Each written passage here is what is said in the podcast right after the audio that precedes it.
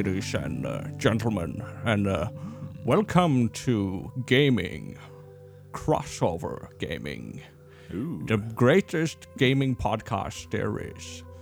Now, as you might uh, know, I have now passed into the great beyond, but uh, I wanted to leave a final message to you where I say thank you for listening to this great video game podcast. Now, if you will excuse me, the Grim Reaper is uh, knocking on my door once again, uh, so I have to go and create a violent jazz ballet for him. But uh, thank you very much for listening to the only podcast that goes like a dance. Oh, and uh, Scotland forever. Wow. what is your name? It is Connery. Sean Connery. Wow. Altså, jeg føler meg Welcome ikke to rock. Jeg føler meg ikke bånd i bøtta akkurat nå, i hvert fall. But of James course you are. Of course. Rest in peace, legend. Oh yes, the man, the myth, the legend himself, Sean Connery, etterlot oss en siste fin liten uh, hyllest der. Så takk uh, ta Connery for det. Velkommen til Crossover Gaming, Uh, en uh, heidundrende fin liten spillpodkast. Uh, dette her, Jan. Eh, mitt navn er Ingar Takanobu Hauge, er programleder, og i Oslo så sitter Martin Herfjord. Ja, og det som er gøy nå, er at um, jeg har uh, lagt ut en spørreundersøkelse hva er den beste podkasten i hele verden. Og så langt så har jeg fått inn svar fra meg sjøl og noen uh, på discorden uh, som har sagt Crossover Gaming. Og da tenker jeg at vi bare stopper å høre på de andre stemmene. Vi bare Mm. stopper mens vi leder. Mm. Eh, og så kan vi bare erklære at vi har vunnet. Er ikke det en god idé? Mm, I Men, think eh, that's the best plan there is. Ja. Jeg sendte et postkort med, med et svar. Nei, du. Det, det driter vi i. Vi skal ikke ha noe sånn demokratigreie her, altså. Det her eh, kjører vi på når vi leder. Ja, OK, Det- I'll listen to you, oh orange leader. absolutt. Det er sånn eh, mynt jeg vinner, kron du taper-scenario, dette her. Mm. Og vi er ikke alene, jeg og Martin, for i Kristiansand så sitter Mats Jakob Nesmann. All right, gutter. Hvordan eh, går det med dere? Jeg eh, f- driver fortsatt og henter meg inn at jeg hadde valgvake, for jeg tenkte jo eh, hm, dette blir jo avgjort eh, i løpet av onsdagen. Men eh, here we are. Jeg vet ikke om det kommer til å bli avgjort eh, når episoden kommer ut en gang. Jeg. Så Jeg tror Nei, ikke det er kommer til å være avgjort i januar engang. Det her er sånn som det ligger an. Nei da. Det står på, folkens. Innen denne podkasten er ute, så er det sikkert eh, avgjort og ferdig, vil jeg tippe. Så Ja. yeah. ha tålmodighet, og så går dette her veldig Det kommer til å gå som en dans, skal dere se. ja, ja, ja. Ja, ja, Håper det. Ja. Eh, men eh, sånn bortsett fra um, visse valg og sånne ting, eh, hvordan går det med dere sånn ellers? Nei, eh, det, med, med meg går det fint. Ja. Jobbtusler i går, familietusler i går. Um, jeg har jo da i, eh, i løpet av koronatiden starta, vært med å starte et nytt band Oi! her på Sørlandet. Og nå på mandag så var vi for første gang i studio og begynte å spille inn eh, noen låter. Mm. Kult. Eh, så det var veldig gøy. Det var veldig lenge siden jeg har eh, spilt i studio. Litt også pga. korona, men eh, og litt fordi at jeg eh, flytta til Kristiansand og eh, Det har ikke vært så mye på den fronten, men eh, det, har, det har vært veldig gøy. Mm. Sitte på et garasjeloft i Vennesla og spille sammen med gode venner, det er veldig, veldig gøy. Og da regner jeg med du snakker om spilling? At dere samla i studio og lanet? Eh, nei, men det var en, det var en data involvert. All right. Nei. Det liker jeg. Eh, det, Garage band? det er vel Type Ja, det eh, har jeg brukt. Singstar rock band? Ja, vi har bare brukt rockband-instrumenter. Litt sånn som Randy i South Park.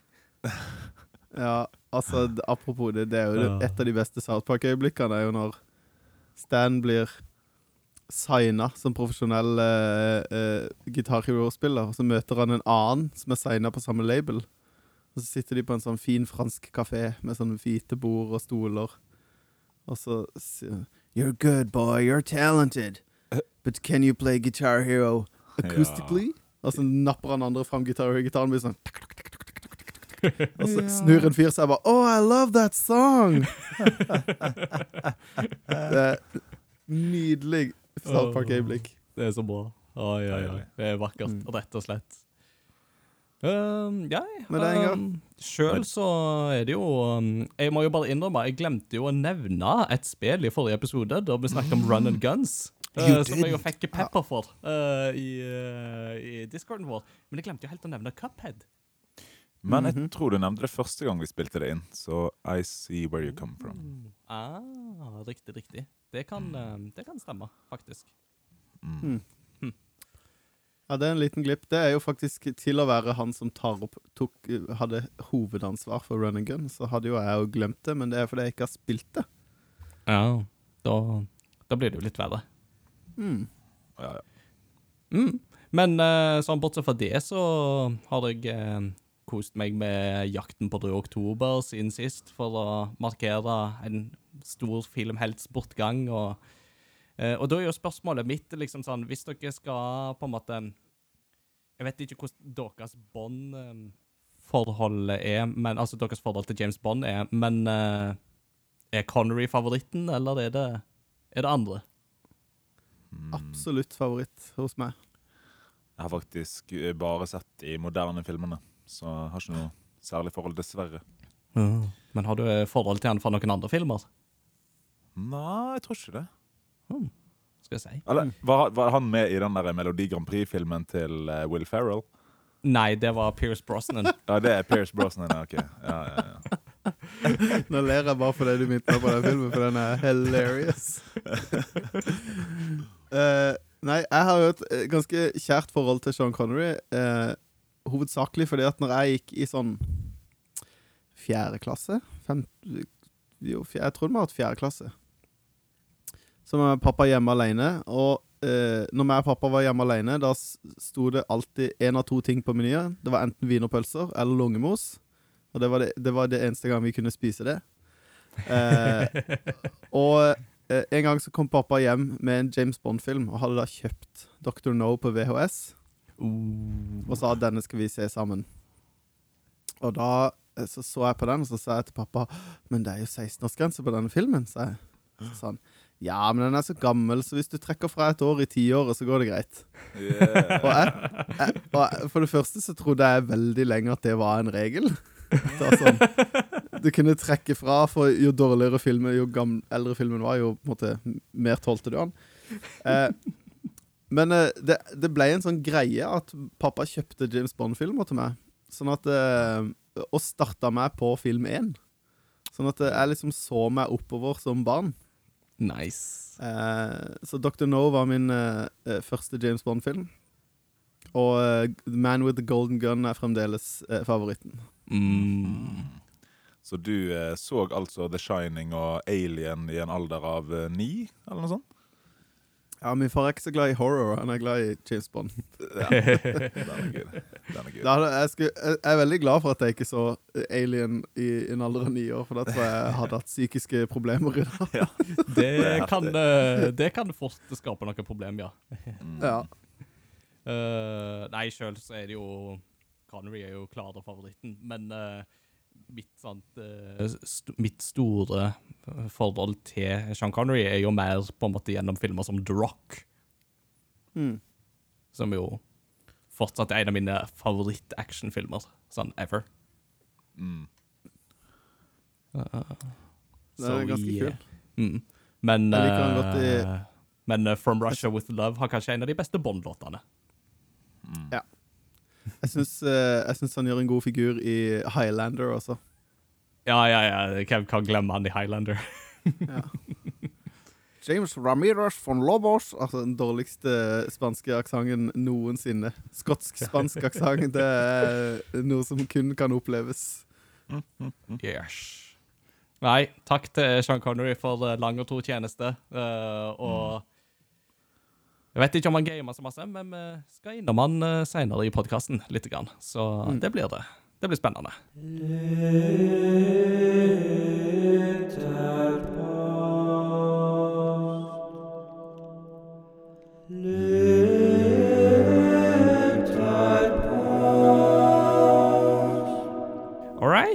Lytterpost skal vi ha, som vanlig. Nå skal vi høre fra lytterne våre. Og vi kan allerede nå avsløre tema for eh, dagens episode, for det er da PlayStation 2, som fyller 20-årsjubileum i høst. Og da har vi jo tatt anledningen og spurt lytterne hva som er deres favorittspill eh, eh, til PlayStation 2. Da har vi i utgangspunktet tenkt på spill som eh, har eh, vi har i utgangspunktet tenkt på spill som uh, kom på PlayStation 2 opprinnelig, uh, men du kan ta multiplattformspill som uh, Ja, du kan ta multiplattformspill som du forbinder med PlayStation 2, da. Det, kan, det, var, det var, lov. Mm. Ja. Mm. Så um, Da tenker jeg at jeg kan kanskje begynne. Um, og da vil jeg lese fra en av våre nyere fans, eh, Adrian Landro, eh, som er veldig kjekt at han har begynt å følge oss. Og han skriver at eh, på PlayStation 2 så har han veldig mange gode minner, der noen av de er Tekken 4 og Resident Evil Code Veronica X. Mange timer med gøy, retten og sletten. Mm. Mm. Good choices. Mm. Mm. Kjekt, kjekt. Yes. Da kan jeg lese fra Eirik som har Ja. skrevet eh, Jeg har heller ikke spilt så mye på PlayStation 2, men jeg husker godt da, han ene, uh, da jeg dro til han ene i klassen og fikk lov å spille GTA, og spilte GTA San Andreas på PlayStation 2.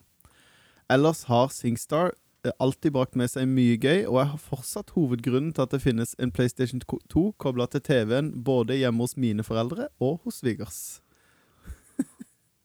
det syns jeg er deilig. Det er så bra.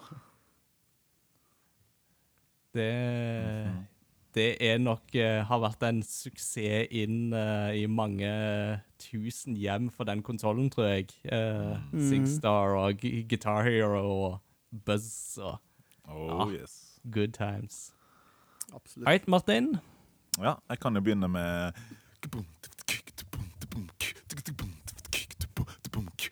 Åsmunds hjørne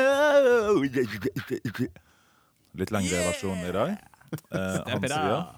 Remix. Jeg eide ikke PS2 sjøl, men husker første gang jeg fikk prøve Shadow of the Colossus hos en slektning.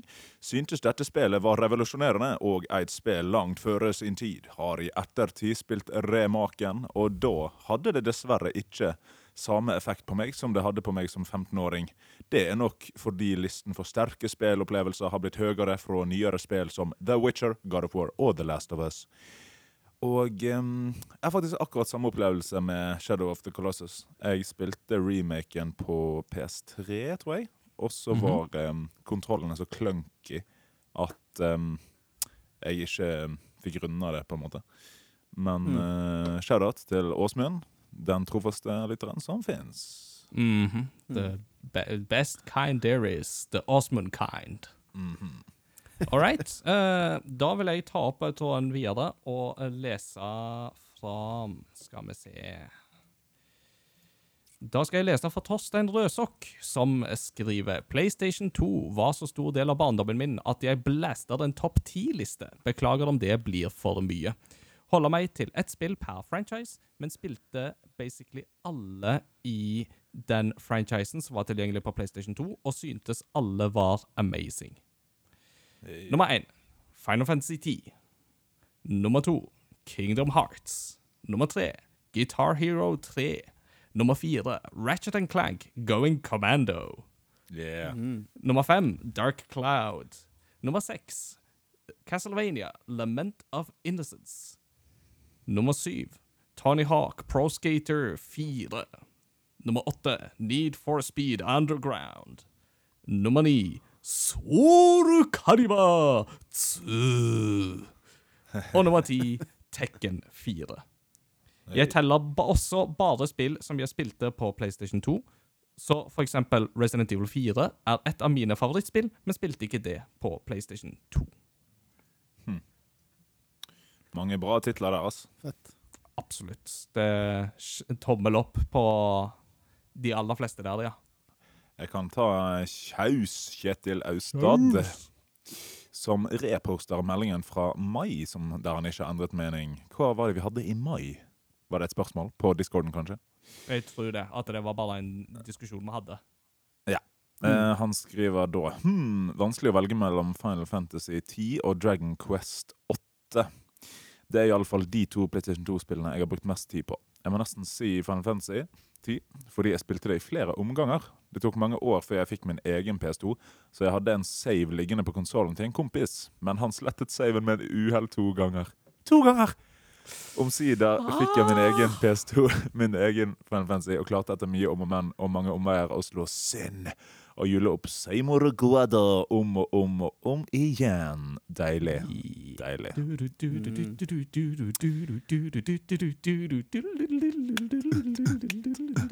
Og å få sletta saven, det er, det, er, det er så ille, det. Det er sånn topp Ja, ti eh, Altså, det er verre, det er verre enn mye. Det er verre enn eh, å stryke på eksamen, kanskje.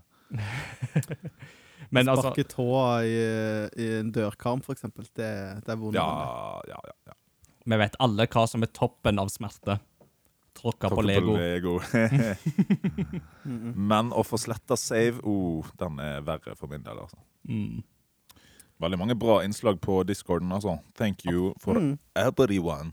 Yes, most definitely. So keep it coming. Og hvis du òg vil skrive på våre lytterposter, der vi stiller spørsmål til dere lyttere, så er det bare å gå inn på enten vår Facebook-side eller på vår Discord-server. Og lenker til begge deler finner du på crossovergaming.no.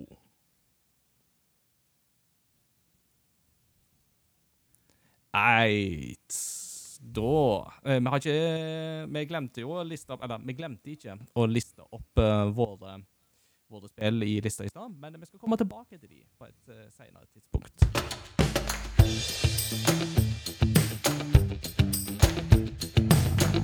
What you been playing lately? What you been playing lately?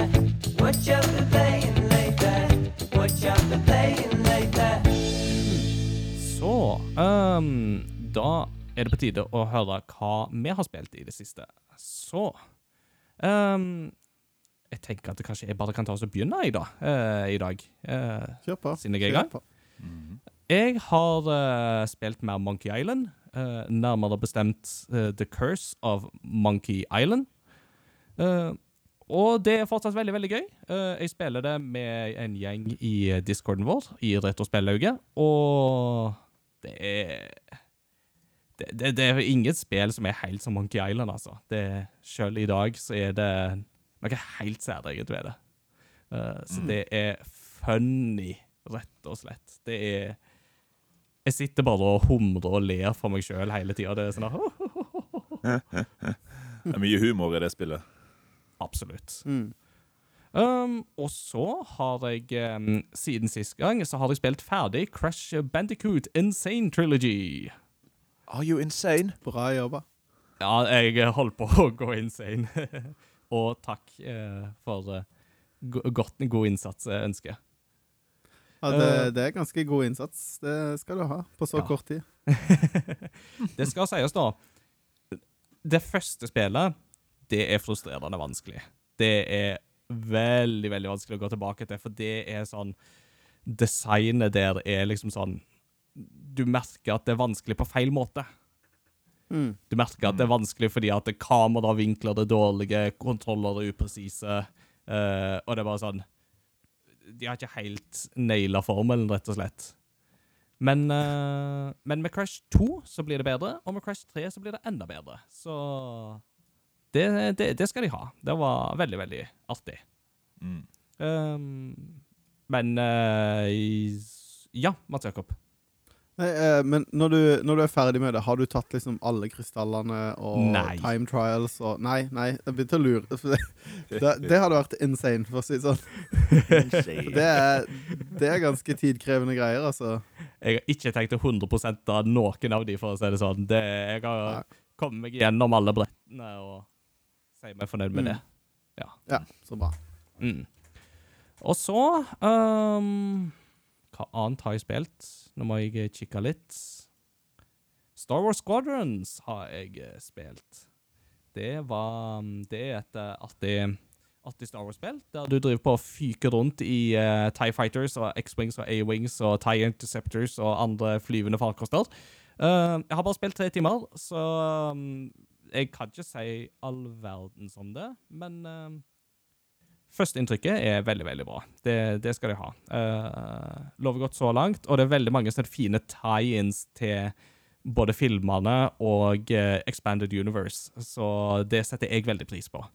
Uh, Alltid gøy når uh, Star Wars Rebels får en sentral plass i den større Star Wars-kanoen. Mm. Det kan jeg alltid Kult. sette pris på. Men veldig god sånn fil på, på flyvinga, og jeg, jeg var jo veldig fan av um, Jeg var jo veldig fan av eh, Rogue Squadron uh, på Nintendo 64. Um, og jeg må bare si at dette er et veldig sånn godt blast from the past. der. Det er jo egentlig X-Wing og Tie Fighter-spillene som de kobler mest inn imot, men uh, min referanseramme er Rogue Squadron. Eh, Og Mm. de nailer den følelsen ganske bra, syns jeg. Så det er veldig, veldig artig. This is the way. Fett. Uh, har du spilt det på Xbox eller PlayStation? Jeg spilte på PC. Um, Du spilte på PC, ja. Ja. Um, et godt argument for å spille det på PlayStation 4 hadde jo vært uh, at der kan du spille det i VR. Uh, ja det, var, det var det jeg var ute etter, om du hadde spilt testa det i VR. Uh, faktisk ikke, men jeg kan se for meg at det kan se at det er veldig, veldig gøy i VR. Så hvis det kommer på salg en gang på PlayStation 4, kan det hende at jeg kjøper det der òg. Mm. Vi får se. Uh, og snakke om VR. Um, I sommer kjøpte jeg meg PlayStation VR. Uh, og så kom det en del andre spill. Og så ble det litt til at jeg ikke uh, fikk kobla den opp og brukt den så masse. Uh, men det fikk jeg nå omsider gjort noe med, så jeg har testa Astrobot Rescue Mission uh, i det bilet lite grann. Uh, og det er veldig artig, for det er en tredjepers... Altså, det er tredjepersonsperspektiv, og det er plattformspill. Mm. Og det funker. Eh, de får det til å funke. Eh, og da er det sånn Kameraet er låst, så du må liksom For å Hvis det er en vegg som står litt i veien når du ikke ser forbi den, så må du bøye deg fram, og så må du se forbi rundt hjørnet og Ja. Ja. Eh, Ja, det er- Veldig cute. Um, sliter fortsatt litt med å få headsetet til å sitte skikkelig og, og fokus og sånt, så uh, Har ikke spilt så masse, for jeg blir litt kvalm, kjenner jeg. Men det kommer. Mm. Det vil komme mer. Jeg har hørt veldig mye bra om det spillet. Det, det Ja. har frista. Mhm. Vi hadde jo eh, besøk av Eirik som, um, fra Game Rector. Han, um, Mm. han snakket jo veldig varmt om uh, Astrobot. Det er jo et av hans uh, favorittspill, så da hadde han jo på studium fra Astrobot òg, da vi hørte på I Ja, Am sant det. Astrobot. Det var veldig kul musikk. Mm. All right. Det var egentlig Mm. det jeg hadde, så da kan en av dere få overta. ja. Det ble en lang, stirre, det ble en lang sånn stirrekamp. silence. Ja, det er deilig. Jeg har, eh, det har kommet ut uh, ny patch til Heartstone Battlegrounds, som har balansert uh, og egentlig hevet opp power-levelen til alle heroes, basically, og gjort masse med metaen. Så det har eh, De er flinke på å eh, få det til å føles fresh, uh, Blizzard der. Så det har jeg spilt en del. Så har jeg fortsatt med Fifa. Fifa! Fått eh, en del bra spillere på FUT, så bare challenge me, de som vil, på eh, discorden der. Mhm. Mm. Så hadde jeg en økt med Christian. Christian! Vi ikke spilte Odyssey. Nei. Vi spilte Vi begynte med mm, Vi begynte med Fall Guys. Eh, for jeg var sikker på at uh, dette spillet må jo ha couch coop. Men nei da. Det No, no, no. mest Det hadde vært så perfekt for det spillet å ha couch coop. Jeg skjønner ikke hvorfor de ikke har det. Men ehm, vi spilte iallfall det sånn annenhver gang og var ikke i nærheten av å vinne, men uh, vi lo av hverandre veldig mye. Inger. Mm. Det at det ikke har eh, couch co-op, var jo faktisk et av de tingene jeg trakk spillet for uh, da jeg anmeldte det for Game Reactor. For at, uh, Mm. jeg mener absolutt at uh, underholdningsverdien hadde vært enda bedre hvis de hadde klart å eh, ha det. Ja, ja, ja. Så, så, så det skulle de Mm. ha hatt, syns jeg. Det var så enkelt for de å få inn, da. Så jeg håper de får det etter hvert. Og så um, spilte vi i Rocket League med å bare rope på hverandre og veksle mellom latterkrampe og sinneanfall. Uh, sånn som det høres. Altså, det, det er lite som får det til å føles så dum som når du bommer på en gigantisk ball uh, i et, et lite stadion, liksom, med en bil. Mm. Eh, men eh, altså, den noob-følelsen du får der, den er unik, altså. Um, oh, men så har vi, jeg og han har begynt å spille litt um, World of Warcraft Classic. Ja. Mm. Så vi er på det. eh, og det har fått meg til å prøve retail, Uh. som nå eh, har en skikkelig sånn rework med hele leveling-systemet er skalert ned, og alle tallene har gått fra sånne der, eh, 1000 milliarder til faktiske tall som du kan bry deg om. Mm. Mm. Um, så det er litt gøy. Og så har de liksom uh, Spilte det i går, og så kan du liksom velge hvor du skal levele. Eh, så det er veldig gøy. Så nå um, har jeg et sånn helt nye opplevelser med, med leveling, både liksom stedene og musikken. Så um, det, det er litt digg å føle at du har nytt content. Det var litt sånn det jeg trengte egentlig for å, for å bli litt uh, gira på, på WoW igjen. Så um, retail eh, leverer, må jeg si. Nice. Tøft. Ja, øh, jeg regner med du har øh, gjort deg klar til Shadowlands. Ja, ja, ja. Det blir gøy. Det blir gøy. det blir gøy. Jeg, jeg, jeg kommer jo til å stille meg på et noob-nivå, men jeg kommer til å, kommer til å få skaffe det. Nei, eh, jeg har jo snakka tidligere om at jeg plukka opp igjen eh, eh, Pokémon Sword. Og nå har jo endelig hele DLC-pakka kommet ut. Ja. Eh, så jeg har begynt å spille den nyeste DLC-en. Jeg har ikke spilt den som allerede har vært ute. Den sparer jeg til slutt, men jeg har testa ut eh, Pokémon Sword Crown Tundra. Mm, sounds cool. Som er liksom Ja, det er ganske kaldt. Eh, og det er kjempegøy. Det, jeg syns det er Det kan godt hende det har skjedd før, men det er første gang jeg spiller et Pokémon-spill med DLC. At det er liksom mer eh, å by på etter hvert, og at du kan eh, i disse DLC-ene blant annet fange veldig mange legendaries. Mm. Mm. Eh, som er liksom, tror jeg for mange er motivasjonen sjøl. Jeg, jeg er ikke sånn uh, completionist. Jeg må ikke ha full pocketdex og hele den pakka der. Nei. Uh, men jeg syns det er gøy med bare mer å gjøre, annet enn å bare gå rundt og battle, liksom. Og det, der, det er jo sånn battle tower etter uh, du er ferdig med hovedspillet. Men det har jeg ikke testa så mye heller. Uh, men eh, det er kjempegøy. Det er Jeg syns det er fett at det er på en måte mer story, og så er det også eh, Følger det på en måte eh, nivået, da.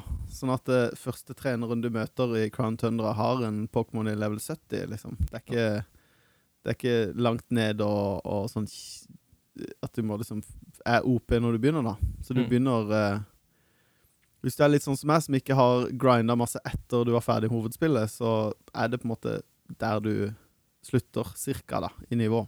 Aha. Så det er ganske gøy. Så det er verdt å sjekke ut hvis du ikke har spilt spillet siden det kom ut. Så tror jeg det absolutt er verdt å sjekke ut den delscenen, altså. Ja. Mm. Eh, og så har jeg spilt eh, mer Pokémon-kort på nett. Mhm. Eh, jeg har eh, til og med gått så langt at jeg har begynt å kjøpe sånn kodekort av folk på Facebook. Sånn at jeg kan få eh, masse boosterpacks på nett, og så ikke åpne boosterpacksen, men bytte boosterpacks i kort som jeg vil ha. Yeah. Eh, det er liksom eh, Det er økosystemet der, da. Det er ikke Det er liksom ikke kort mot kort, men man bruker boosterpacks som currency, på en måte. Det er, det er litt sånn frustrerende, egentlig. Men, eh, men eh, når man først har litt boosterpacks, så er det veldig enkelt å bare få seg alle de kortene man vil ha, da. Jeg, jeg, jeg ville spurt deg om du driver med sånne hestehandel av Pokémon-kort, men uh, det finnes jo ikke hester i Pokémon, så uh, driver du med sånn Ponita-handel? Ja, Mer sånn Rapidash. Ja. Uh, ja, nei, ja, det er jo litt sånn. Men, men folk som ikke spiller på nett, de selger kodekort egentlig ganske billig. Eller det er egentlig ganske billig å få tak i kort på nett, Mm. kontra de absurde prisene som er på fysiske kort eh, eh, nå for tida. Eh, heldigvis har det ikke roa seg ned sånn prismessig, men det har roa seg ned fordi markedet ble litt oversvømt av Charizards når folk så at de kunne få noen tusen lapper for en Charizard i omtrent hvilken som helst stand. Eh, men eh, jeg har også spilt eh, fysisk. Hadde besøk to, to dager forrige uke av Christer. Ja, Og Kristoff. satt og spilte. Christer. Eh, og det er, det er noe helt annet, altså. Og, og, og ikke Og der har vi også lagt oss på en linje Vi har lagt en regel om at det er ikke lov å kjøpe enkeltkort. Aha. Sånn at eh, der er det motsatt av sånn som det er på Facebook. Nei, på, på nett, for det der har vi Der har jeg jo dritbra deks, mens de kortene De deksene jeg har fysisk, er litt sånn prisgitt hvilke kort jeg har. Mhm. Sånn at de er ikke liksom alltid optimalisert eh, til enhver tid. Skjønner. Pluss at eh, på nett så kan jeg lage deks med alle kortene jeg har, og så kan jeg veldig lett hoppe mellom deks, og så kan jeg ha de samme kortene i flere deks.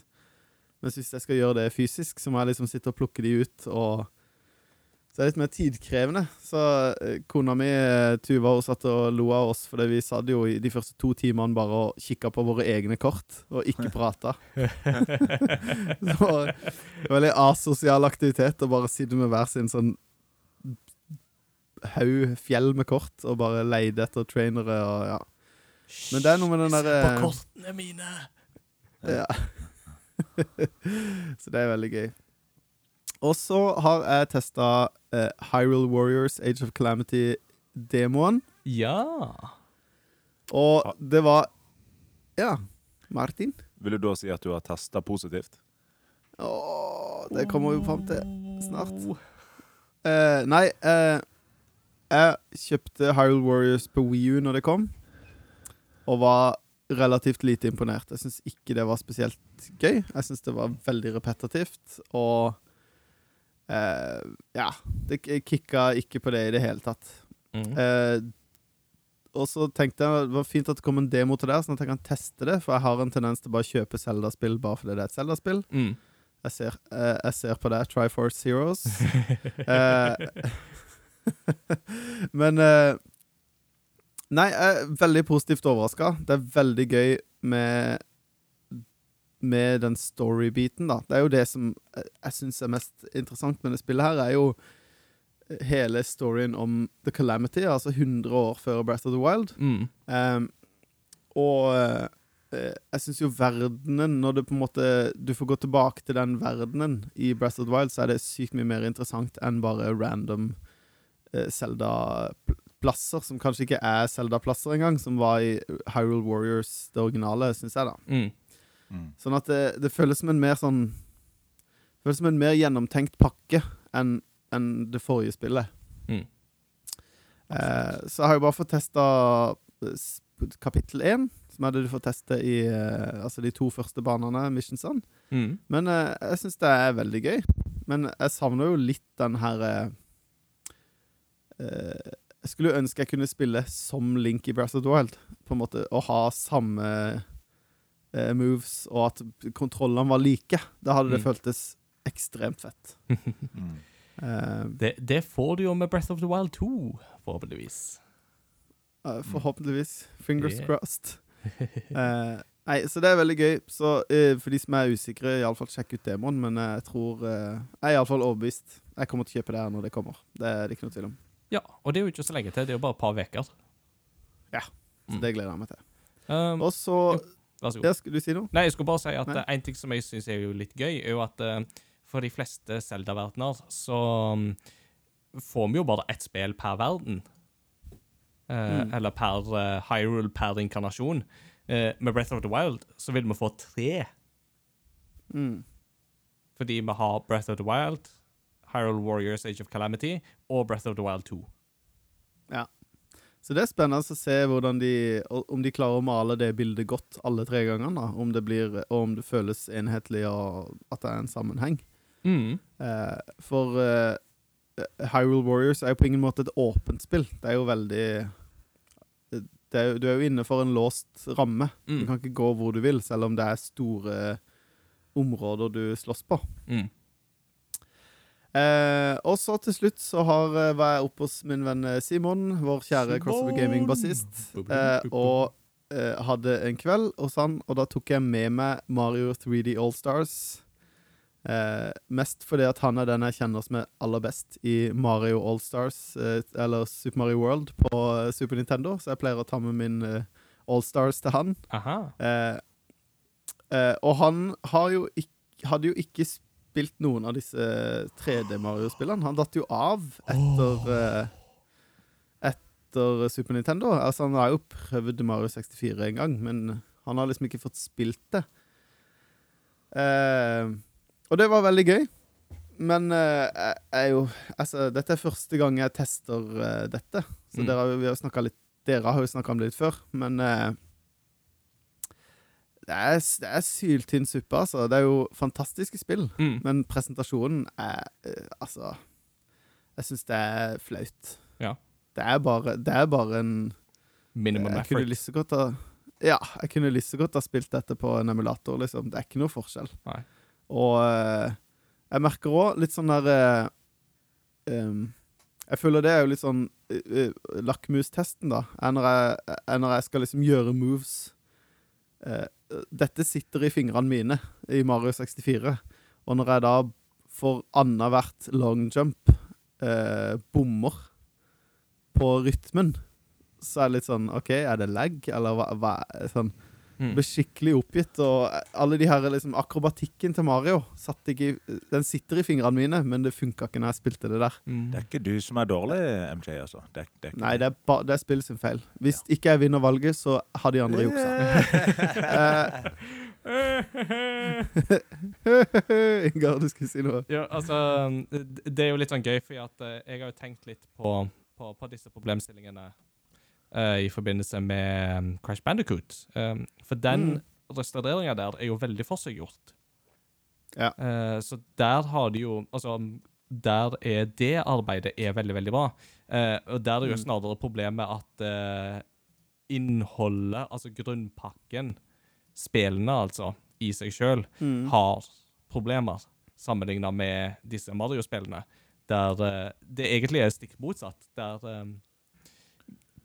eh, er veldig, veldig bra eh, med spillene, eller eh, Spillene er gode. Spillene er gode, men eh, den du får servert på Switch, er ikke så god. Eh, Nei. ved Crash Bandicoot er det litt motsatt. OK, Mm. men, eh, men eh, for å være, stille et litt uh, firkanta spørsmål, du, hvilken av de to foretrekker du da? For er, Crash Bandicoot kan jo mulig være uspillbart, siden du har fullført tre spill. Ja, uspillbart er det jo ikke. Det, det, det er det ikke. Men altså, jeg vil si de har vesentlige problemer, eh, og har ikke eldes like godt som det Mario-spillene kanskje har.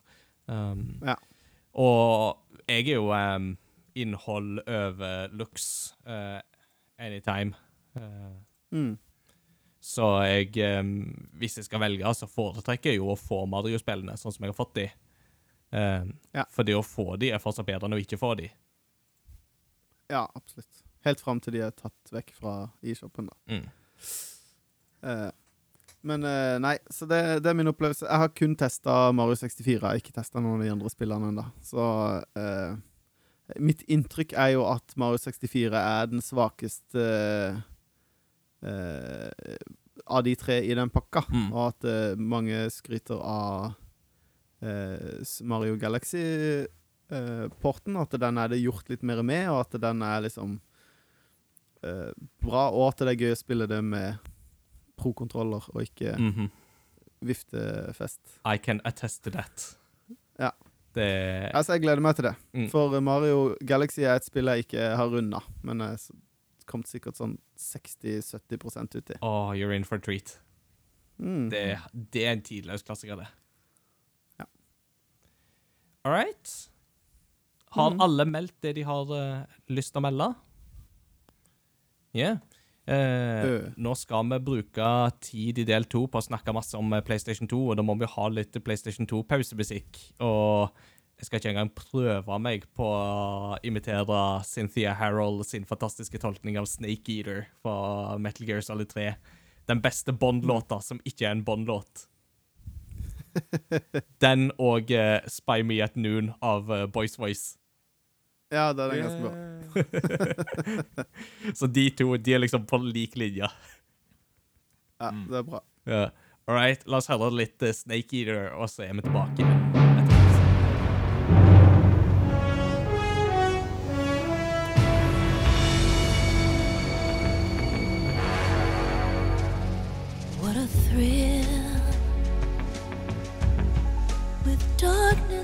Silence through the night. What a thrill. I'm searching and I'll melt into you. What a fear in my heart, but you're so supreme.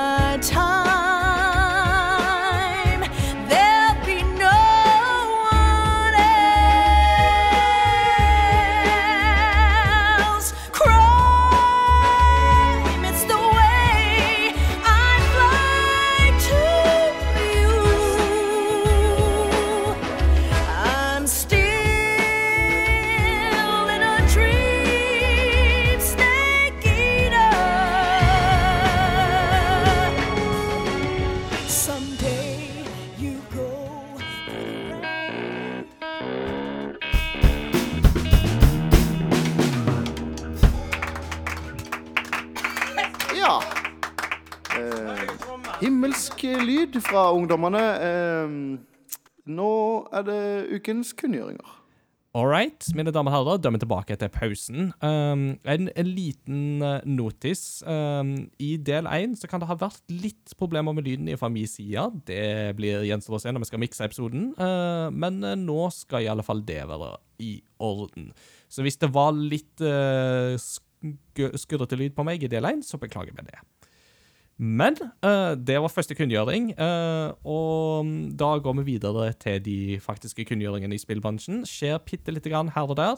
Uh, Nintendo har hatt en Nintendo Direct Mini for sine partners. Den siste de skulle ha i år, sa de. Og da fikk vi annet vite at Bravely Default 2 kommer 26.2.2021. Så marker datoen i kalenderen, folkens. Det tror jeg blir et veldig, veldig bra spill. Eh, og for de som vil ha et spill med litt den samme viben fram til det, så er Octopath Traveler et godt sted å begynne. Og så, Martin, vi snakket jo litt om eh, Shadowlands, og da lurer jeg på, har du markert eh, 24. november i kalenderen? Ja, ja, ja. Da skal jeg inn på. Du, det blir Yeah. gøy. Det blir gøy. Det er jo en massiv Nice. eh, rework. Ja, ikke sant? Og da er jo spørsmålet mitt, har du forhåndsbestilt eh, Shadowlands? Nei.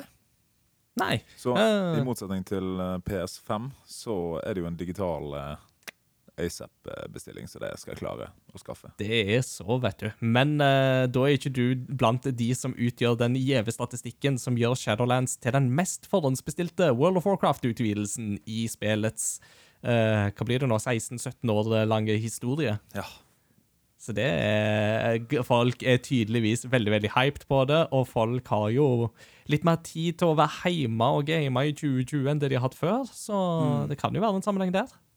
ja. Det er som. Stian Blipp at jeg skal eh, bare kaste meg sjøl utenfor et stup og nødt til å bli eh, sykemeldt. Altså. Ja, ikke sant.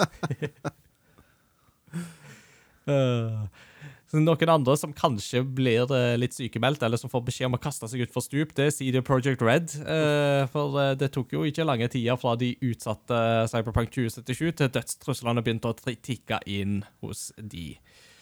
Og hva kan vi si om dødstrusler, folkens? Er det greit? Nei. Altså Ok, Nå var dere litt splitta her, vi må ha en unison enighet. Eh, Nei, men altså, Det som er idiotisk, er jo at eh, det gjør jo ting bare verre, da.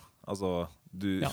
Det vil jo utsette prosessen eh, hvis det får noen effekt, liksom. Så idiots. Idiots everywhere. Yes. Yes. Det er jo noe med Det- det her vi snakka om. Crossover Gaming er glad i alle sammen, men ikke gjør sånt, folkens. Ja, Mats Jakob. Nå trodde jeg du skulle si 'jeg er glad i alle sammen', ikke si det i Project Red. Eh, Eh, nei eh, Vi snakka jo mye om det her når vi hadde om, om usunn maskulinitet.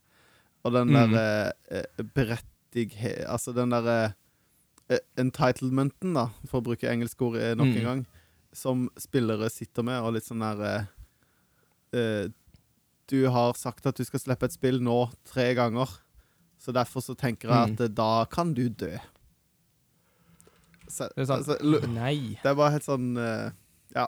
vi, vi har jo delt noen tanker om dette før, så hvis du ikke har hørt denne episoden, så kan du høre hva vi syns om det, men eh, det syns vi ikke noe Mm. særlig om her. Nei. I, Rett og. Gjengen. Så enkelt er det. Ja. Mm. Så har det tikka inn et par nyheter i dag som kan være verdt å nevne, og en av de er ganske ganske store. Eh, Den første kom i dag tidlig om at Sega Sammy, som da er moderselskapet til Sega, selger Arkadeavdelinga til Sega. Og den skal selges til selskap, det japanske selskapet Genda. Til orientering så har Sega ganske mange arkadehaller rundt omkring i Japan, men nå selger de seg rett og slett ut av den delen av sin business. Og det betyr at slutten på en epoke i japansk spillhistorie er over.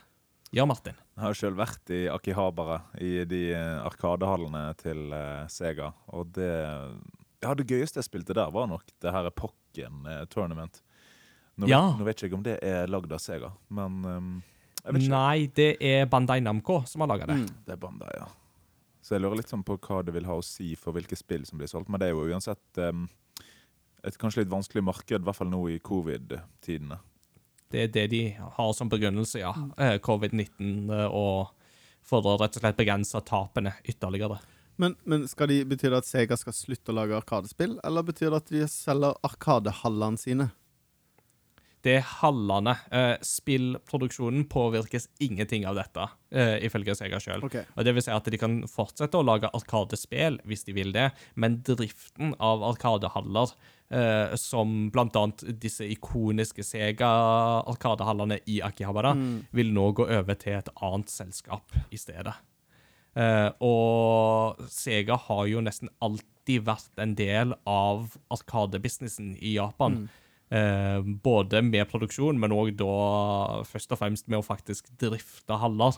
Så det er På et eh, år der vi feirer Segas 60-årsjubileum, så er det en ganske stor nyhet, altså. Ja. Eh, Det er jo Jeg, jeg, håper jo, eh, hva skal jeg si, Genda på et eller annet vis har fått eh, eh, lov til å bruke Sega-navnet. At det er liksom bare den fysiske Altså det er bare driftinga.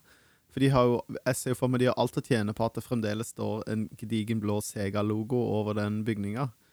Eh, mm. eh, for det Ja. Nei, ja, som sagt, jeg har jo eh, også vært der. For så vidt glad for at jeg har fått oppleve det, hvis de blir endra. Men eh, det, er, det er jo en ting å oppleve de japanske arkadehallene, altså. Når du har eh, absolutt. Altså, det er jo, kan ikke sammenlignes med noe annet når du har en etasje per sjanger. Ja, deilig. Og den Ja. eh, Og, og, det, og- det vil de jo fortsatt kunne gjøre, da, forhåpentligvis, når man kan begynne å reise litt mer aktivt igjen. Så vil det jo fortsatt være arkadehaller der ute. Men spørsmålet er jo hvem som drifter de. Og det er jo ikke sånn at Sega drifter alle arkadehaller i Japan i dag. Så det er det jo ikke. Det er jo mange aktører inne i bildet. Ja, Men det får håpe det fremdeles står Sega på de, da. Ja, Det er liksom ikke det samme å gå inn i en arkadehall og så ser du at det står Genda! istedenfor at det står Sega! Genda Game All Station. right. En uh, siste uh, spillnyhet som jeg skal ta med, gjelder Nintendo Switch. Uh, Nintendo har lagt fram noen uh, halvårsrapporter, og de ser jo ikke overraskende veldig bra ut. Og de kan nå melde at Switch har solgt hele 68 millioner konsoller, og har dermed passert Nintendo Entertainment System slash Famicom, som lå på 62 millioner solgte konsoller. Så klapplaus for det. Eh, dette gjør da Switch til Nintendos mm, best eh, Nei, hvordan blir det? Nest bestselgende hjemmekonsoll. Eh, Wii er fortsatt den beste. Den har solgt 101 millioner. Og beste Nintendo-konsoll er jo DS, som solgte 154 millioner eh, eksemplar. Så eh, Switch har fortsatt litt å ta igjen, men eh, den er på rett vei. Altså, den er jo på rett vei i og med at den har levd i tre år. Yep. Snart. Ja, altså- det er jo det som er ganske imponerende. Eh, Wii U-en solgte hvor mange var det? 17 på fire? 12. 12 var det, ja. 12. Ikke sant? 12 millioner. Så det var jo, altså, og nesten eksisterte fra 86 til 90 Det var når det siste spillet ble lagd i 97, tror jeg. Så, 98 eller 97, ja. Ja. Det var Wrecking Crew 98, hvis jeg ikke husker feil. ja, ikke sant? Så det er jo liksom Her er det snakk om 12 år og eh, tre år. Selvfølgelig, markedet er jo noe helt global markedet er jo noe helt annet, men Men eh, jeg har all tro på at Switch har alt potensialet. Spesielt hvis du teller med en eventuelt Super Switch eller Switch Pro eller Switcheroo. Sp Åh! Den har jeg ikke hørt før. Den var god. Yeah. Den har jeg tenkt på lenge. Switcheroo. Det er jo litt interessant um, hvis vi kunne sett uh, sammenligningen av uh, hvor mange NES som var solgt etter tre år, da. Um, Mm. For jeg vil jo Nei, We, mener jeg. We. Uh, for jeg vil jo se for meg at um, den kurven daler jo nedover. Um, Mm. Nå har jo Det Switch garant- eh, slitt litt med å møte etterspørselen, da. Um, Mm. Ja. Så Vet du noe om det, Inga? Um, det jeg vet, er at det finnes garantert data på det. Uh, for dette er jo finansrapporter som Nintendo har lagt fram gjennom årenes løp, og de skal være tilgjengelige.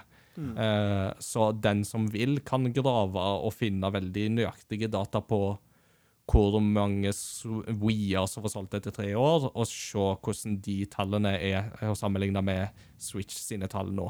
Eh, men bare for å sette Mats Jakob sitt i perspektiv, da. Det tok jo Switch ni måneder å gå forbi Wii U i salgstall eh, av antall konsoller.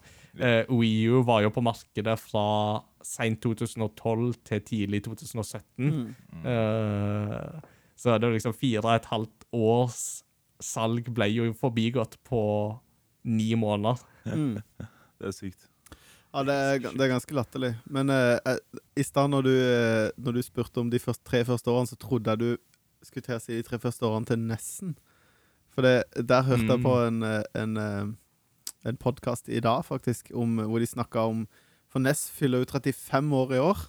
Eh, Ness kan bli Oi! president i USA.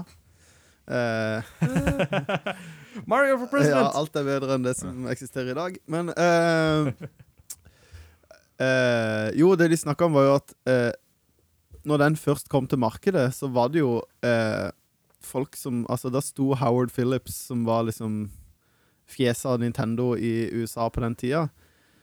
Han sto Mm. jo på kjøpesenteret og selv monterte opp demokiosker og sto og sa til folk Hei, vil du prøve Nintendo? Hei, har du lyst til å prøve Nintendo? Har du lyst til å prøve Nintendo? Altså, eh, Mm. det er der markedet starta. Så, sånn sett Mm. så hadde det vært interessant å se de kjøpstallene de første tre årene, for jeg tror det eksploderte ganske mye seinere. Eh, Mm. at det liksom Absolutt. Da tror jeg Switchen hadde gått forbi nesten ganske mye tidligere enn ni måneder.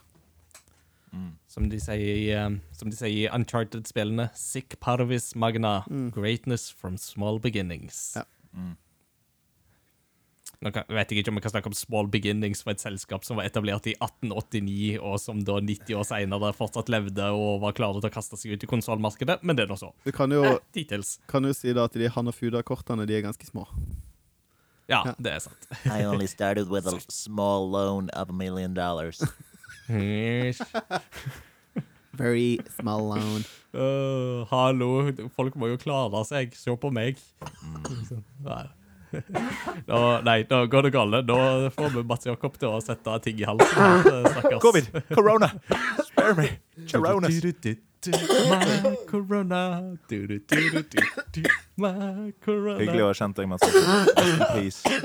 Fra Å, stakkars mann. Stakkars mann. 1989 til 2020.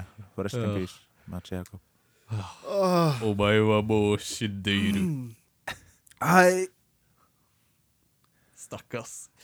Eh, go- godt å se at du fortsatt lever. Det var Det var vondt. Hvis du Ja, det trenger er der um, begravelsestips, så er jeg eh, rette mann å spørre. Altså. Mm. Kan jeg endelig prøve den der uh, kistesklia på jobben din? Vi har jo preludium og postludium i begravelser òg, så da får du litt Mm. eh, spillmusikk der. Også. Det er forresten sant. Spe speaking of which, bare for å gi Mats Jakob litt tid til å komme seg igjen, så kan jeg jo ta en uh, historie fra Monkey Island-spillene som jeg synes har vært veldig, veldig artig. Uh, og det er jo I Monkey Island-spillene så møter du en kar som heter Stan, som er sånn uh, bruktbåtselger, egentlig. Som er liksom den klassiske, arketypiske bruktbilselgeren som bare liksom Armene er overalt, og liksom det gliser hele tida. Liksom, I'm here to sell you the best deal there is. Um, og i Monkey Island 2 så hadde han gått over fra å selge brukte båter til å selge brukte begravelseskister. Eh, fordi han opplever at uh, folk kommer mye sjeldnere tilbake og klager uh, på disse kistene enn det de gjorde på båtene. Genius. Ja, ikke sant? Men så, så er det en som en del av questen i Monkey Island 2, så må du da ta og um, eh, lure han til bare, «Å, kan, du, kan du vise meg hvor god plass det er oppi? Ja, ja, ja, ja, ja. Og så legger han seg oppi ei sånn kiste, og så må du da hamre igjen lokket for at du skal stjele en nøkkel av han. Uh, og du slipper han aldri ut igjen i Monkey Island 2. Men i Curse of Monkey Island, som da er det tredje spillet, så er det sånn, sånn cirka halvveis ut i spillet, så må du sjøl late som at du dør for å komme inn i en familiekrypt. Uh, og så våkner du, så innser du å nei, jeg er i feil krypt, så det var ikke så bra. Men så hører du noe dunking fra den ene kista, og så åpner du den kista og bare Oh, thank goodness, I never thought I would get out of there. Og da er det Stan som dukker opp igjen. Han har klart seg ganske greit uten mat og drikke. da Ja, over ganske lang tid, tydeligvis. Deilig. Men uh, da bare sånn Er du ikke sint på meg for at jeg uh, begravde deg i den kista? Not at all. It gave me some great time to think. Lucas Arts. Mm. Ja, Når de faktisk. Lucas Arts, altså. Det er uh, kapittel for seg sjøl. Vi kommer med en Retrospellauge-episode om de spillene, så stay tuned for that. All right, without further ado, la oss snakke om en eh, ikke like ung lenger, men en kruttsterk 20-årsjubilant. Vi skal snakke om PlayStation 2. Her kommer ukens tema. Hei! Her har vi nye jingler på sparket, og det er så digg. Uh, love it. PlayStation 2, gutter, det er jammen meg konsollen sin. Um, I Japan så kom den ut eh, litt tidligere enn det han gjorde her. I Japan så kom den ut 4. mars 2020. I USA så kom den ut 26. oktober, mens her i Europa så kom den ut 24. november i år 2000. Eh, og det begynner jo da å nærme seg da, det 20-årsjubileet, og da vil vi snakke litt om den konsollen i dag. Og bare for å få det på det klare allerede Vi nevnte i stad eh, Nintendo DS solgte 154 millioner konsoller i løpet av sin levetid. PlayStation 2 solgte 155, og er dermed tidenes bestselgende konsoll noen gang. Hats off, Hats off. Yeah.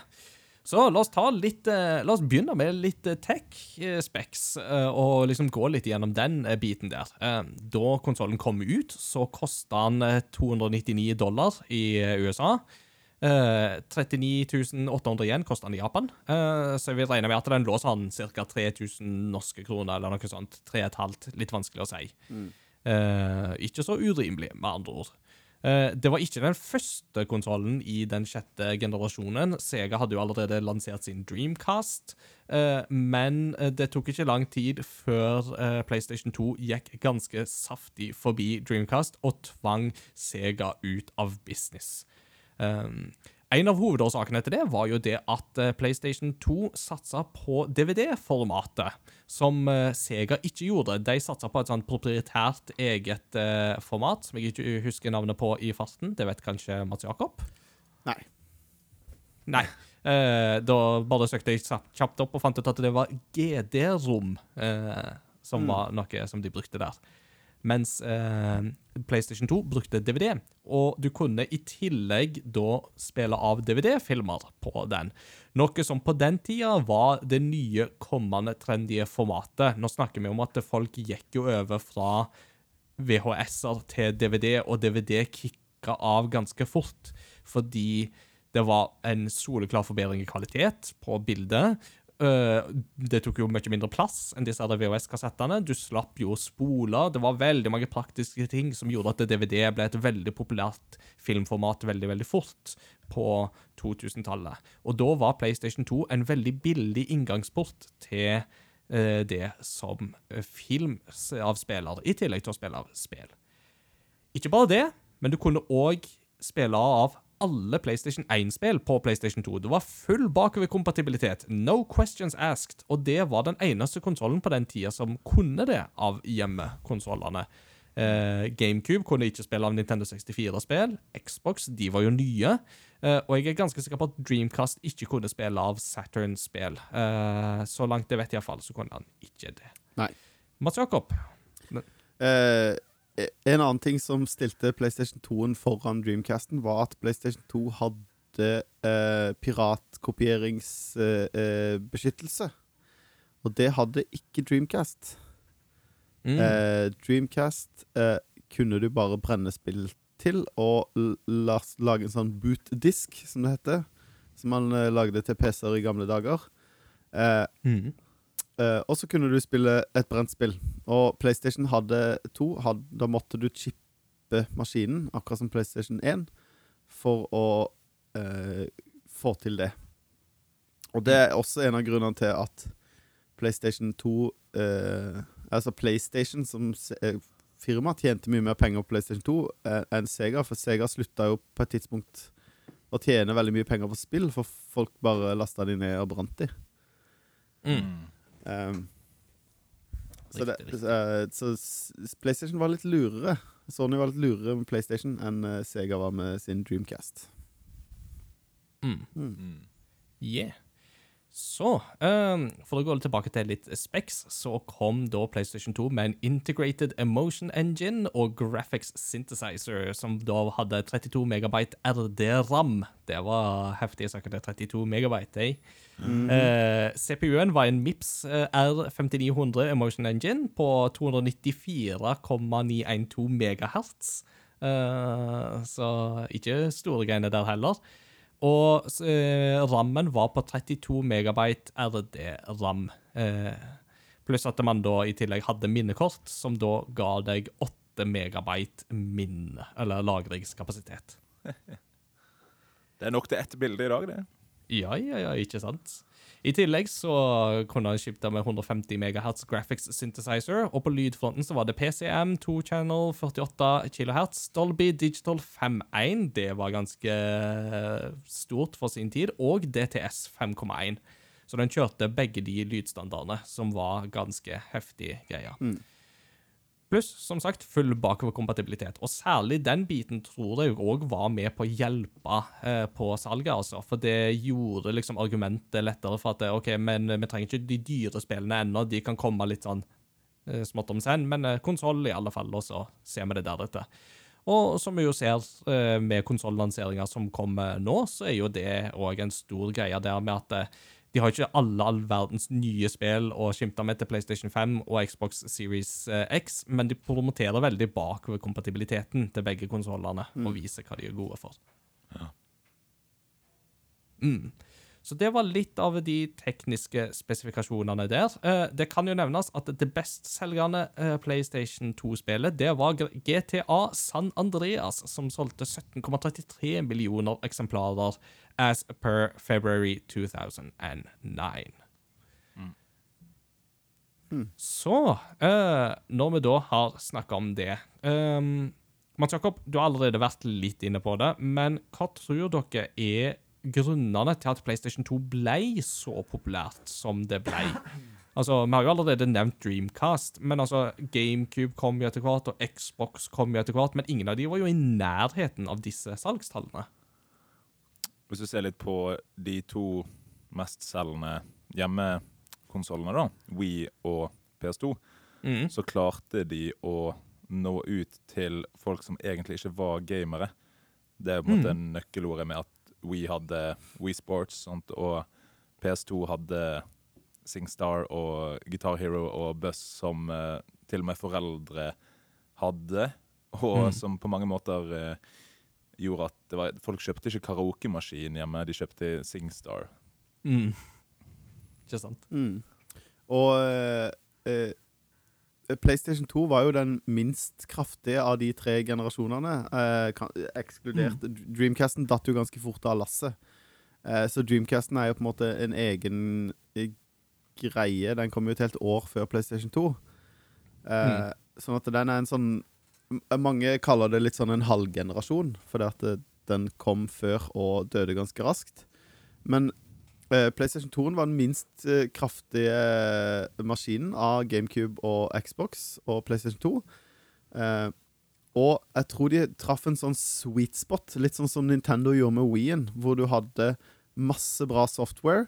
Du hadde en gimmick som gjorde at det, det solgte veldig bra, blant annet eh, som var da DVD-spilleren. Eh, og så kunne de ganske raskt selge den mye billigere, fordi at det, det var billigere deler. Eh, Mm. eh, som, som da igjen gjorde at jeg husker at de solgte, de solgte PlayStation 2 på Rimi, min nærmeste butikk, Mm. til uh, uh, 800 kroner. For en Oh. slim. Altså, altså, og det var sånn du, PlayStation 2 ble solgt overalt. Fordi det Mm. solgte som hakka møkk, og eh, det var så populært. Og det var den billigste DVD-spilleren. For en Mm. Det var liksom Billige DVD-spillere var ikke en greie på den tida. Det var en rimelig DVD-spiller. Og eh, selvfølgelig var GameCuben og Xboxen kraftigere maskiner, men eh, sånn på grafikken så er det ikke sånn kjempe Det var ikke kjempestore forskjeller. Selvfølgelig, hvis du sammenligner Resident Evil 4 på GameCube mot PlayStation 2, så er det ganske hårete forskjell når du sitter og sammenligner det. Men allikevel, Mm. grafikken var ikke sånn Det er ikke PlayStation 2 og PlayStation 3-forskjell. Altså sånn Det var likevel eh, nærme nok til at det var ikke helt krise, da. Det var ikke sånn at det så helt forferdelig ut. Men Nei. når du AB-tester det, så ser du jo at det, den ene er penere enn den andre, men Mm. Absolutt. Eh, det skal jo også nevnes at én ting som jo Dreamcast var tidlig ute med, var jo at det var jo den første konsollen, uh, altså spillkonsollen, med internettilkoblingsmuligheter. Og det var jo noe som PlayStation 2 òg integrerte. Mm. Og hadde, altså, hadde et 100 megabit eternett-modem innebygd, så du kunne spille online. Rett og slett koble opp på nett og spille med andre. Eh, Så det var liksom her det begynte, men det var jo ikke veldig mange spill som nødvendigvis benytta seg så veldig av den muligheten. Det var det ikke. Det var jo først igjen med neste generasjon at det ble veldig stort. Men du hadde jo noen spill. Jeg lurer på om det var SOCOM US Navy Seals var et av de første PlayStation 2-spillene som promoterte veldig den der online multiplayer-delen. Ja, ja, det var det. Og da SoCom ble jo solgt med headset, for eksempel. Ja, stemmer. Eh, men jeg tror det spillet som uh, dytta mange over kanten der, var jo Final Fantasy 11. Som ble solgt med Mm. harddisk. Uh, Ja! I en sånn svær pakke. Og uh, uh, på den tida så var frem... eh, Altså En gaming-PC da var fremdeles veldig dyrt. Altså På 80-tallet Mm. var det jo helt ekstremt dyrt, og 90-tallet var det også veldig dyrt. Men eh, 2000 er liksom tidlig 2000-tall. Da var det også eh, Det hadde gjerne familier en familie-PC på datarommet. Det var ikke sånn at alle hadde hver sin maskin, og PC var fremdeles veldig dyrt. Så jeg tror det var en, et veldig veldig godt alternativ for mange å spille et sånt online-spill på, var å spille det på eh, Spille det på eh, PlayStation 2. Og genialt genialt å bøndle det med en harddisk, siden du trengte litt lagring og oppdateringer og eh, sånne ting i det spillet. Mm. Ja. Jeg tenker òg på, um, når vi har snakka litt om dette med hvorfor PlayStation 2 ble en så stor suksess, så har jeg òg tenkt på et kort som faktisk PlayStation 2 hadde, som der de egentlig faktisk var flinkere enn Nintendo. Og at de var veldig flinke til å publisere spill på norsk. Mm. Altså med norske menyer og av og til til og med norske stemmer. Altså Buzz er jo et veldig godt eksempel på det, ikke sant? Der jo alt av stemmeinnhold ble jo oversatt. Og hvis jeg ikke tar helt feil, så var det en del norsk stemmeskuespill i noen av Altså om det var Spyro eller Sly eller noen Sly av disse som Cooper var på en måte eh, rett. var på Ja. norsk. Ja. Ja, jeg mener jeg husker at Jon Edvard snakket om det da vi Mm. hadde han eh, innom for å snakke om spill, Eller når vi snakket om spill og vold, så er jo veldig glad i Sly Cooper, så da mener jeg jeg husker at han nevnte det. Eh, Mm. og, og du skal ikke undervurdere verdien av det når foreldre skal liksom Ja, hva skal jeg kjøpe til ungen min, da? Så er det bare sånn Ja, du har jo de spillene, men de de er jo alle på engelsk. Men ungen min kan jo ikke engelsk. Men her for, å, på norsk? Ja, så bra. Ja, da går vi for det. Mm.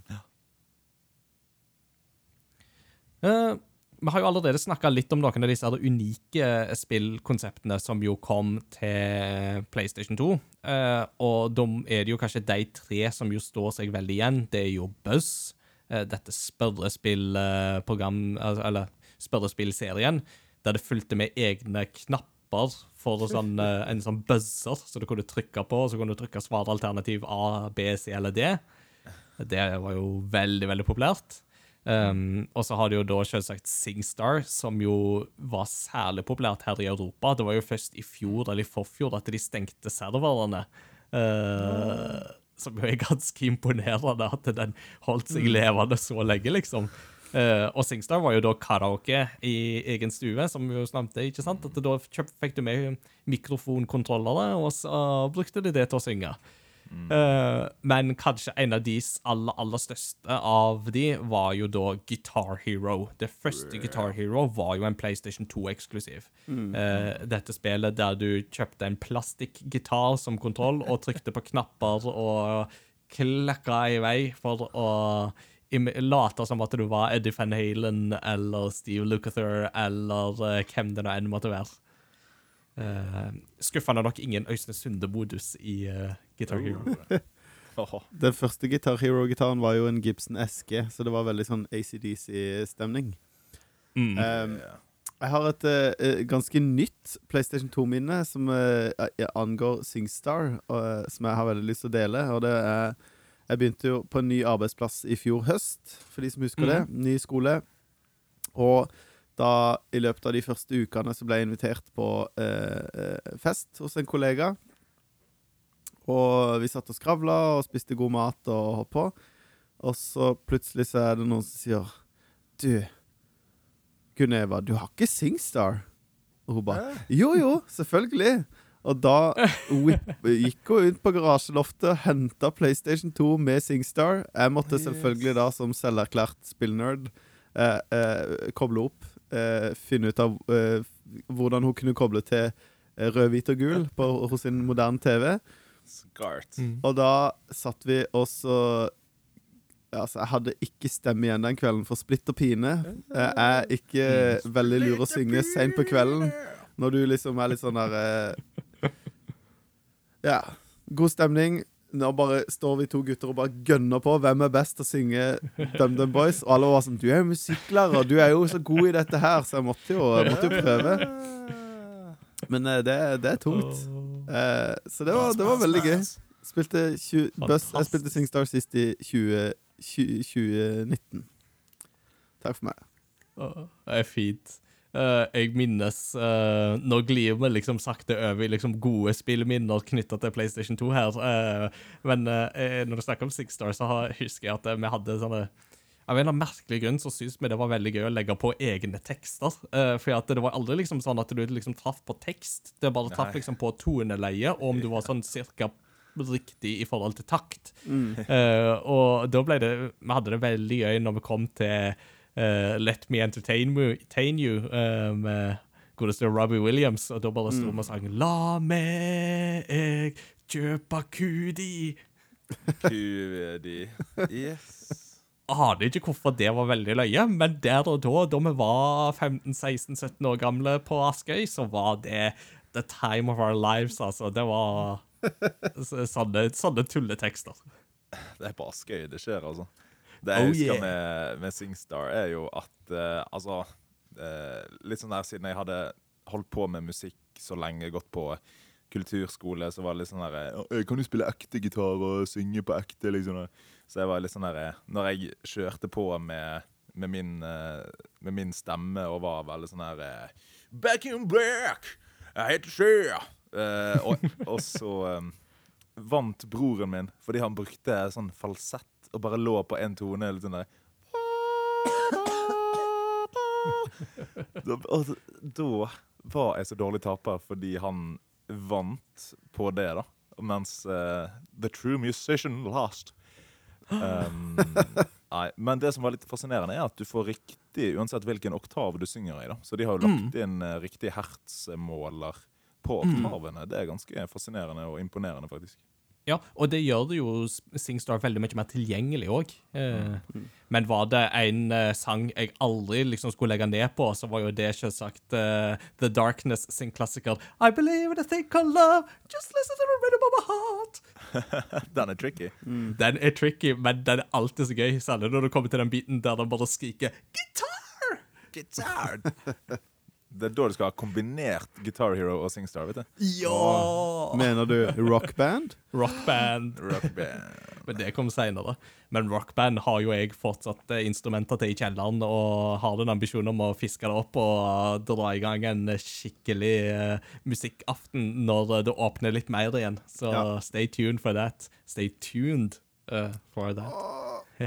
Jeg må gi en shout-out til broren min, Tormod. Jeg er jo dårlig Tormod! taper, men eh, han var best i SingStar og Guitar Hero. Han eh, klarte de på det vanskeligste. Den der eh, Hva heter den der Dragon Through the Fire and the Flames? Oh, Dragon Force. Ja, ja, Dragon Force Through Fire and Flames. Mm. På det vanskeligste. Altså Er det mulig, liksom? Den, Ja, det er er, den er syk. Ja. Eh, jeg, jeg, må bare, jeg har ikke klart det, men i rockband så har jeg klart Ghost of Perdition av Opeth, vokal 99% på expert. Så jeg har en growler i meg. Jeg bare nevner det. Ghost of uh, Uh, vi har jo, jeg har jo snakka mange ganger om min uh, vår gode venn Håkon. Håkon! Eh, og han eh, Et av mine tidligste liksom, hengeminner med Håkon var uh, uh, Guitar Hero. Og, og Håkon har alltid spilt luftgitar uh, venstrehendt. Uh, oh. og, det, og det er veldig gøy, for det, at det, har det har jo ikke noe å si, men, men aller fleste spiller luftgitar samme vei, og de fleste spiller gitar samme vei òg. Men han er den første som både spilte gitar og luftgitar feil vei. Men han spilte også Guitar Hero venstrehendt, så vidt jeg Wow. husker. Han kan få lov å arrestere meg på det. Men, men det eh, Poenget var ikke for å si at Håkon spiller, spilte gitar i venstre, men det var kult at den gitaren kunne spilles begge veier. Det hadde jo ikke noe å si. Om du slo opp eller ned, eller Knappene blir jo eh, like. Eh, og eh, det er jo blitt lagd diverse kontrollere opp igjennom som skal være venstrehendte, eller altså det, Atari Lynx kunne du spille begge veier, og så. Mm. Men Guitar Hero-gitaren er jo på en måte intuitivt eh, eh, Hva heter det for noe? Ambidextrous? Er det ikke det Ja. det er? Ja. At den er begge, begge, beggehendt, rett og slett. Ja. Ambidexter. Beggehendt. Det var godt sagt. Eh, og det, det er ganske kult. Så jeg har gode minner av å spille Guitar Hero i skinnsofaen i kjelleren til foreldrene til Håkon. Det, det, det blir varmt Nice. inni meg når jeg tenker på det. Nice. Oh. det, det, nå blir det å liksom um, Det er ikke et PlayStation 2-minne, der, for det er jo et PlayStation 3-minne, dette her. Men eh, siden vi først snakker om Guitar Hero, så kan jeg jo ikke la være å nevne det som jeg tror jeg snakket om òg i Bli kjent med Ingard-episoden. Uh, at uh, første gang jeg traff kona mi, Anja, uh, mm, så var jo det på sånn Konami. Og hun er norsk, ikke japansk. Uh, men uh, jo, første gang uh, jeg traff henne, så var jo det på en sånn Jeg hadde bare sånn åpent hus, folk kunne komme innom og bare henge litt og Ja, jeg var liksom litt gira på litt sosialt, og så var det her en som tok hun med seg på Hun var jo den siste som var igjen, og vi satt jo til kvart på to den natta og spilte Guitar Hero Metallica. Yeah. Nice. Og det er That's hvis, true love. hvis, du da, hvis du da ikke vet at det er true love, da eh, Ja, da eh, Når du, når du holder ut med en hel kveld med Metallica, er det det du mener? Nei, altså bare det faktum at jeg var våken etter klokka halv elleve for å gjøre noe som helst. Det er bra. Det, da er det true love. Du klarte å holde Inga våken. Ja, ja, ja. Det er ikke bra. Eh, nei, Nei, nei, jeg er glad i Metallica, jeg, altså. Ja. Det er ingen til. eh, Det er ikke si. Jeg jeg. har til og med vært på konsert med dem. oi, Um, det vil si, det var bare en halv konsert fordi at jeg var litt sjuk den dagen, så jeg måtte gå halvveis uti. Og det var litt dritt, for da akkurat idet jeg var sånn Å nei, nå må jeg gå, så hørte du du-du-du-du, Ah. du-du-du-du. Da begynte de å spille One, og det var sånn da hadde ikke jeg gått Bitter. hvis jeg likte Metallica. da. Åh, Ja. Det prøver å gå mens du egentlig har matforgiftning og egentlig bare burde være hjemme, for at det går i alle retninger. Det er grusomt. Ja. Nei, men la oss ikke snakke om de dårlige minnene der. La oss snakke om gode PlayStation 2-minner. Og da må jeg tilbake til Askøy, faktisk, og trekke inn eh, Tekken-spilling. Det har jeg hatt eh, veldig mange gode opplevelser med. Um, Altså, PlayStation 1 var en sånn konsoll som var litt sånn Jeg visste at den var der, og spilte den litt av og til på besøk hos venner og sånt. Men det var liksom ikke en konsoll jeg ble veldig kjent med. PlayStation 2 ble jeg bedre kjent med fordi særlig da en av mine beste kompiser på ungdomsskolen og videregående, Jakob, eh, som bodde i nabolaget, vil si Askøy nabolag, innenfor en kilometers radius, eh, sånn cirka. Eh, men altså, men de hadde PlayStation 2, og hadde Tekken Tag Tournament, og hadde Tekken 5. Uh, og da ble det mye av uh, Nei, sorry, Tekken 4 og Tekken 5, men det var særlig Tekken 5 som ble veldig, veldig mye spilt der, altså. Og det var liksom For en som bare hadde spilt litt Street Fighter 2 på Super Nintendo og uh, Super Smash Bros., eh, så var jo det å faktisk få spille noe sånt, var jo veldig, veldig gøy. Eh, Soul Calibur ble til at vi spilte hos meg, for jeg hadde GameCube, og da fikk du Link, eh, og Link var kulere enn Heihachi Mishima. Eh, så Soul Calibur vant eh, på GameCube, for å si det sånn, men Tekken, der har jeg så utrolig mange gode minner til PlayStation 2, at det Ja. Men så må jeg jo også si da at jeg eide jo ikke PlayStation 2 sjøl før den var gått ut av markedet og PlayStation 3 var kommet inn. Um, for uh, PlayStation 3 kom ut samme året som jeg flytta til Oslo og ble student. Uh, men en fattig student hadde jo ikke råd til en konsoll som kosta 599 US dollars. men uh, på den tid så hadde de jo GameStop fortsatt, og GameStop solgte brukte PlayStation 2-er. Um, Og på det tidspunktet der så begynte jeg å bli interessert i spill litt bredere enn bare Nintendo sine konsoller som jeg hadde hatt tidligere. Så da kjøpte jeg en brukt PlayStation 2. eh, jeg lurer på om det var i 2007 eller 2008. eh, for å få spilt en del av disse spillene som jeg hadde hørt masse om, men som jeg aldri hadde fått på en måte gleden av å oppleve sjøl. Så da var det kjøpe brukt PlayStation 2, og så var det jo da å begynne med Final Fantasy, Metal Gear Solid og ja, alle disse her. Så det var Min PlayStation 2-reise begynte egentlig at PlayStation, etter at PlayStation 2 var begynt å bli utdatert. Men uh, for meg så er det liksom Ja, hva skal du si, da? PlayStation 2 var min vei ut av ren Nintendo-fanboyisme. Ja. Kult. Så det skal han ha. Jeg har litt lignende historie med PlayStation 2. Jeg kjøpte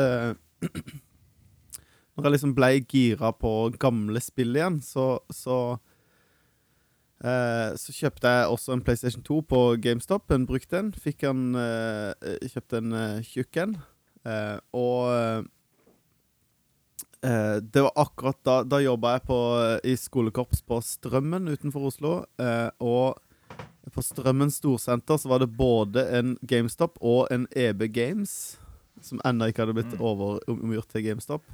Og de hadde De drev på den tida og pøste ut eh, De kvitta seg med PlayStation 2 og PlayStation ja, Da hadde de faktisk PlayStation 1 og Gameboy Advance og litt sånn. Det var ikke mye, men lite grann. Men kanskje aller mest PlayStation 2 drev de og pøste ut. Og kjørte mye tre for to.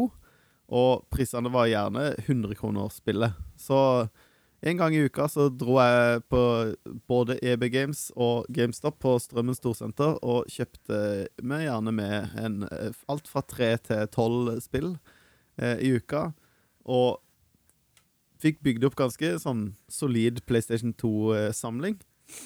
Eh, og da endte opp med å kjøpe mye spill, litt som du sa, mye spill jeg hadde hørt mye bra om. Eh, Og min PlayStation 2-samling er på ingen måte så stor i dag som den var da, fordi at jeg kjøpte veldig mange spill og fant ut at Nei, dette var ikke noe for meg. Og så solgte jeg det videre eh, i ettertid. Så det jeg sitter igjen med nå av, PlayStation 2-spill, er PlayStation 2-spill jeg virkelig digger, som jeg syns er bra. Ehm, og, eh, men jeg har skikkelig gode minner av å gå og kikke der. For jeg har ikke nødvendigvis veldig gode minner av PlayStation 2 når den kom. Fordi Nei. da eh, Litt sånn lignende der, Ingar, med liksom å være en, eh, en uh, Nintendo-gutt. Eh, når PlayStation 2 kom eh, Når det var liksom PlayStation 1 og eh, Nintendo 64, så var det litt sånn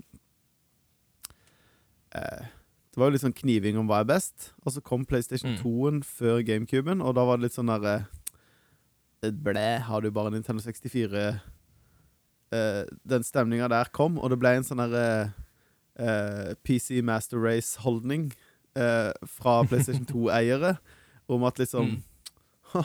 Har du bare Nintendo 64? Og da ble jeg litt sånn derre Ja, det har jeg.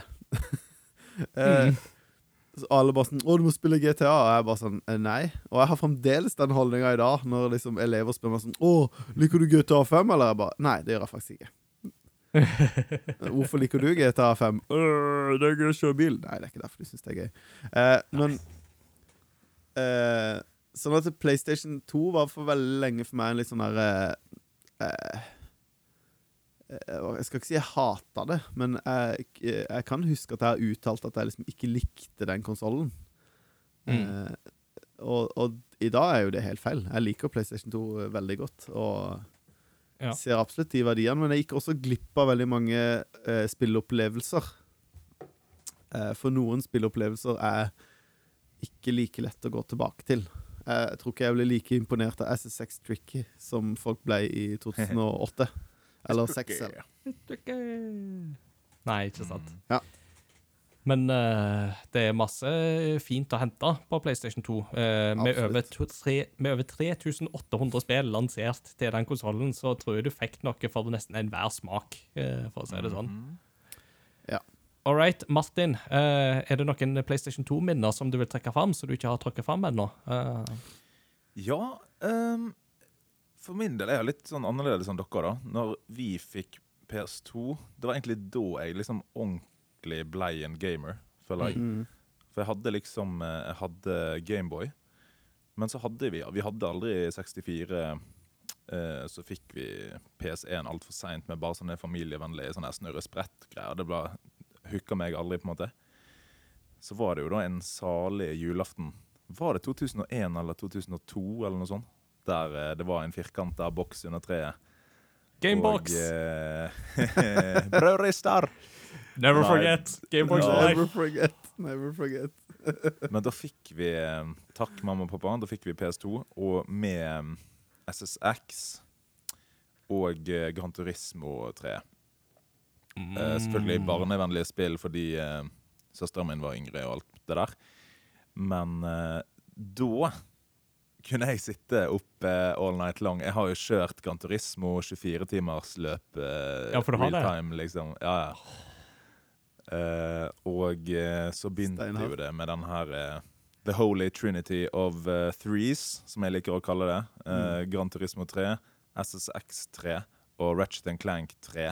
For øvrig kalt Up Your Arse and All. Mm. Eh, veldig deilige titler på Ratchet Clank, altså. De har så mye innuendo i sine titler, altså. Ja, det er deilig. Go Commando. Ja. Um, men da Da skulle jeg plette, sant. Så det, da begynte jeg å bli skikkelig gamer, egentlig. Mm. Um, Ratchet Clank er så fantastisk. Spesielt treeren. Da er det sånn Du kan bare få det beste våpenet hvis du tar New Game Plus. Oh. Rhino. Så jeg, har- jeg, spill, jeg runder det spillet sånn ti ganger minst, liksom. Så du Um, gleder deg til det nye som kommer, da? Ja, ja, ja. Det skal, det skal skaffe. Og Gran Turismo. Altså, jeg mener jo at Gran Turismo 3 er det beste som har kommet Uh, Altså, de andre har ikke vært like bra, da. Mm. Um, og SSX3 pletta jeg òg. Maksa alle charactersene, alle trophies. Det var liksom Mm. bare så sykt deilig. Men så ble jo my mind eh, blown når jeg kjøpte mitt eget spill. Hadde spart, liksom. Um, og så så jeg så et kult cover på Elkjøp med en fyr med et sverd og um, jeg bare sånn, hm, Hva er det her for noe? Det her er tolv års aldersgrense. Ok, det var søsteren min blitt tolv. sant? Mm. Og da er det Star Ocean til The End of Time. Ah. Og det var sånn det første RPG-et jeg hadde spilt. Så da var det sånn der eh, Oi, Story in Space. Og så Oi, så krasjer det, og så må de gå til en landsby. Og så wow! Sykt kul combat. Eh, og så har det liksom magi, og så kan du levele opp, og så lære de nye angrep. Så må du velge. Det var sånn bare What? Så det var liksom der um, første RPG-et som jeg tok med skikkelig, da. Hvis du ikke teller med Pokémon, da. Mm. Uh, også Final Fantasy 12. Eh, Altså, det syns I jeg was og- waiting for it. Ja, ja, ja. Fordi jeg uh, skaffa aldri tieren. Egentlig litt Mm. sånn tilfeldig og litt sånn. Men tolveren òg har det jo på en måte valgfritt um, leveling-system, egentlig. Og Mm. class. Du kan velge class og hvordan du skal levele opp, da. Ja. I tillegg til å ha ganske gøy, eh, litt sånn Star Wars-aktig story. Mm. Eh, og så um, i seinere tid spilt Kingdom Hearts. Så den, den der RPG-greien på PS2, den eh, jeg føler jeg som gjorde meg til gamer, egentlig. da. Mm, absolutt. Mm. Og Kingdom Hearts begynte jo på PlayStation 2. Det er Mm. fort gjort å glemme det, men det var jo der det begynte, den herligheten der. Mm. Eh, og i tillegg så er ikke der, der har han jo Kingdom Hearts. Uh, Mads Jakob han bare trekker opp hånda. Jeg har hatt lyst til å trekke ned og liksom Tekken 5, SSX, Ja, uh, Resident Evil. Uh, og, det, og, det, og det er jo kjempemange gode rollespill på den konsollen, som jo Mm. Og fortsatt jeg liksom sånn det, det er jo spill der som jeg er sånn Dette skal jeg en gang ta og spille. Eh, jeg har bare ikke kommet så langt ennå, men det er sånn Dette drømmer jeg meg om å få spilt en gang. Sånn som Dark Cloud er jo et sånt spill, og Rogue Galaxy er et sånt type spill, og eh, Ja, det er mange perler til PlayStation 2 som jeg håper kan få noen sånne nyversjoner da, og bli gjenutgitt. For jeg tror det er mange av de som hadde vært veldig gøye for et nytt, moderne publikum å plukke opp. Så, Mm. Ja. ja. Ja. Uh, Martin først, tror jeg.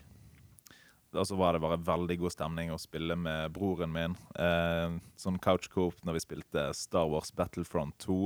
Ja! Uh, og eneren, egentlig. Men det var så deilig Det var jo ikke FPS, egentlig. Det var jo third person shooter. Mm. Men det var bare så deilig level design, og når du kunne være in space, uh, gøye space battles, Mm. så kunne du være Jedis, og Mm. det var så mye som skjedde der, da. Og så, uh, siden det er lov å ta fram spill Jeg spilte egentlig på GameCube, men uh, Lord of the Rings, Return of the King, Ja! som jeg fikk til jul, og som ble tatt fra meg. Ah. Men eh, det er jo legendarisk, da. Mm. Altså, Jakob? Og Ja. bare et siste som uh, var liksom Når jeg i seinere tid kunne spille litt uh, høyere aldersgrense og spille God of War 2, Ja. det, det er jo kanskje en av de spillene som pusher PS2-en uh, mest på grafikk og gameplay, liksom. Bare Absolutt. liksom. absolutt. Det skal man ikke skimte av. Og for min egen del så er jo et sånt spill som jeg har oppdaga seinere og blitt veldig glad i, er jo Devil May Cry 3. Uh, Mm. som var PlayStation eksklusivt veldig, veldig lenge. Uh, nå spilte jeg det jo på PC i fjor, men uh, det er et spill som jeg har hatt det veldig gøy med, og som på mange måter har holdt seg den dag i dag, altså. Uh, så det, det skal de ha. Mm. Mads Jakob? Ja, nei En ting som Vi snakka jo litt om hva som PlayStation 2 tjente på. Eller hvorfor den ble så stor suksess. Og eh, en av de tingene som, eh, som jeg på en måte legger merke til når jeg ser på eh, mine PlayStation 2-spill Nå har de rett over dataskjermen men det er liksom eh, eh, Det er veldig mange tall bak mange av disse titlene. Det er liksom Tekken 5, det er Resident Evil 4, det er Jade Cocoon 2, det er Time Crisis 2, det er Metal Slug 3, altså eh, Marvel vs. Capcom 2. Eh, og det er veldig mange oppfølgere. Eh, PlayStation har, 2 har veldig mange oppfølgere hvor de har tatt gode PlayStation 1-spill, eller ikke så gode PlayStation 1-spill, og, og lagd en videreføring. Eh, og eh, jeg tror de har tjent veldig på det at de har hatt en kjent tittel med et tall bak, eh, som har gjort at folk Å, eh, Spyro, det har jeg sett før. Eller Mm. Ikke sant? Eh, eh, Resident Evil, å ja, eh, nå kommer fireren. Eller eh, altså Men også i løpet av tida si òg, ikke sant? At eh, jeg har hørt mye bra om Kingdom Hearts, og her er Kingdom Hearts 2, jeg kjøper det. Altså Mm. eh, Det har ikke vært liksom Jeg føler liksom på i de, Spesielt i den generasjonen, da, men kanskje mest pga. PlayStation 2, så ble det en sånn derre Den derre oppfølgertrenden føler jeg starta der. Du har jo liksom Mario-spillene. Du har jo Det er jo ikke sånn at det er ukjent med oppfølgere, men det var veldig sånn derre Iallfall sånn som jeg har opplevd det. Jeg opplevde jo ikke Jeg satt jo ikke og venta på Mario 2 eller Mario 3. Eh, men at eh, du hadde en veldig sånn sterk oppfølgerpakke da på PlayStation 2. Eh, fra PlayStation 1, men også fra PlayStation 2-spill til PlayStation 2-spill. Eh, og så var det jo en sinnssykt lang generasjon. Eh, Det føltes iallfall sånn. Eh, Sånn at du fikk liksom masse Resident Evil-spill. Du fikk eh, masse SSX-spill. Du fikk masse av ditten og datten og masse Tekken-spill og, og eh, Som gjorde at eh, du fikk liksom en, en liten sånn god sånn eh, chunk av en serie eh, uten å måtte kjøpe en ny konsoll. Mm. Riktig, riktig. Ja, det, ja, det er jo så viktig at han hadde så lang levetid. Og så var det så trygt for utviklerne å um, vite at eh, de kom til å tjene penger, for det var så mange som hadde, hadde PS2, og det var så trygt marked. Og det har nok gjort mye for utviklingen av gaming at det var så trygt eh, med, med PS2-en, liksom. Og Mm. eh, de kunne liksom bare heve kvaliteten litt og litt på, på spillet. Og det var, det var billig å produsere og gi ut, liksom. Så det var liksom ganske genialt for utviklingen av gaming, egentlig. Og uh, du nevnte jo i stad, Ingar, at det er jo gitt ut over 3000 uh, offisielle titler til PlayStation 2. Uh, og We blir jo ofte beskyldt for å ha mye søppel.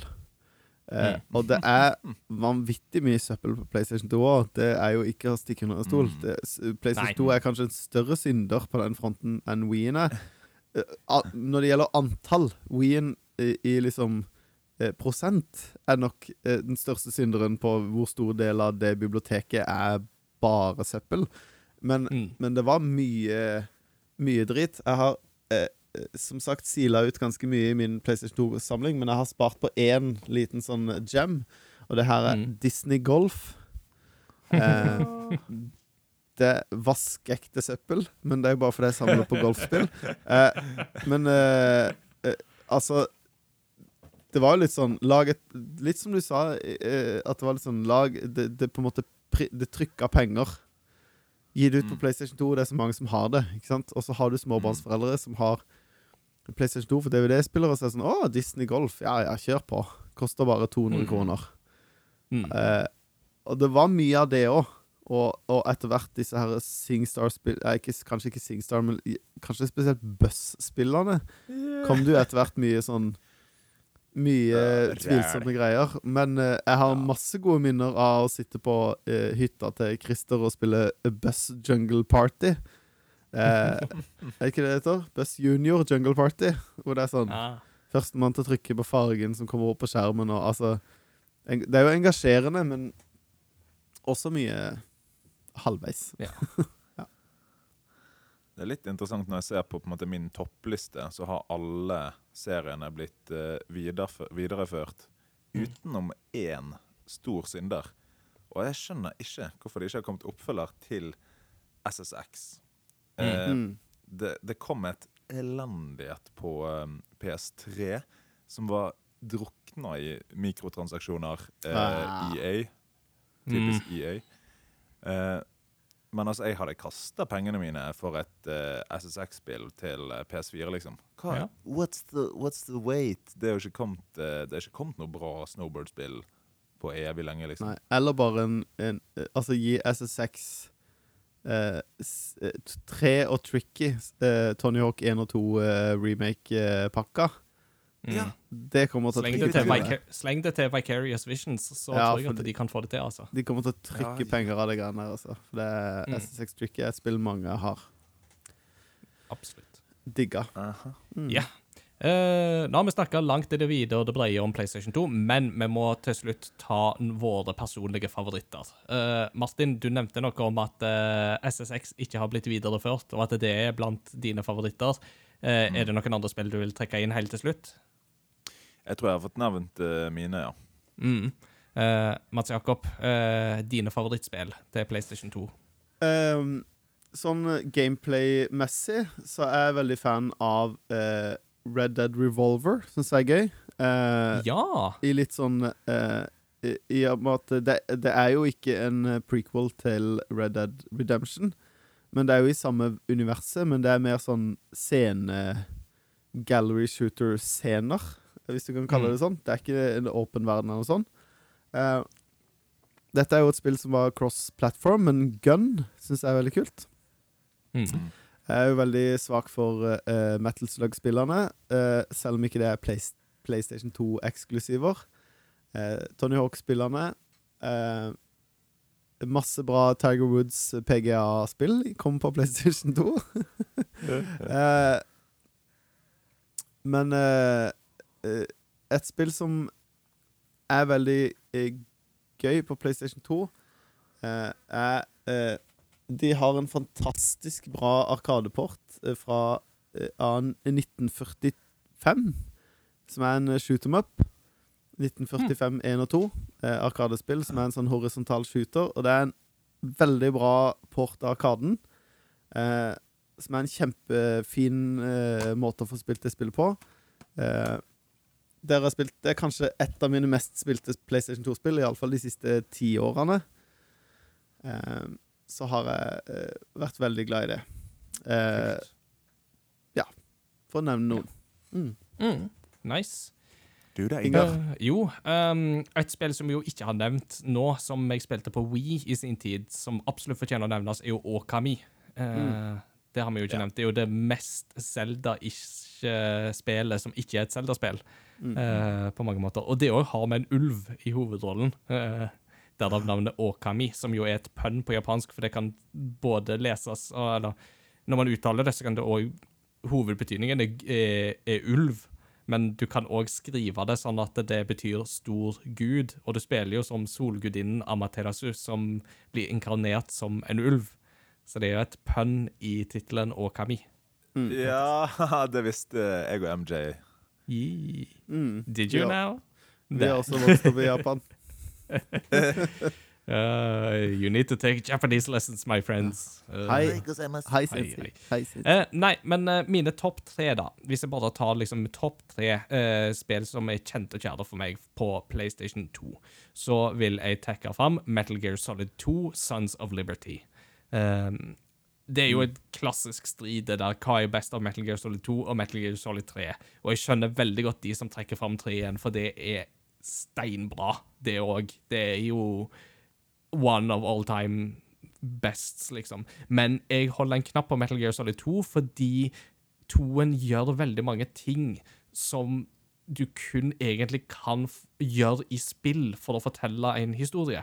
Eh, altså, det, det leker med deg som spiller på en måte som kun spillmedia er i stand til å få til.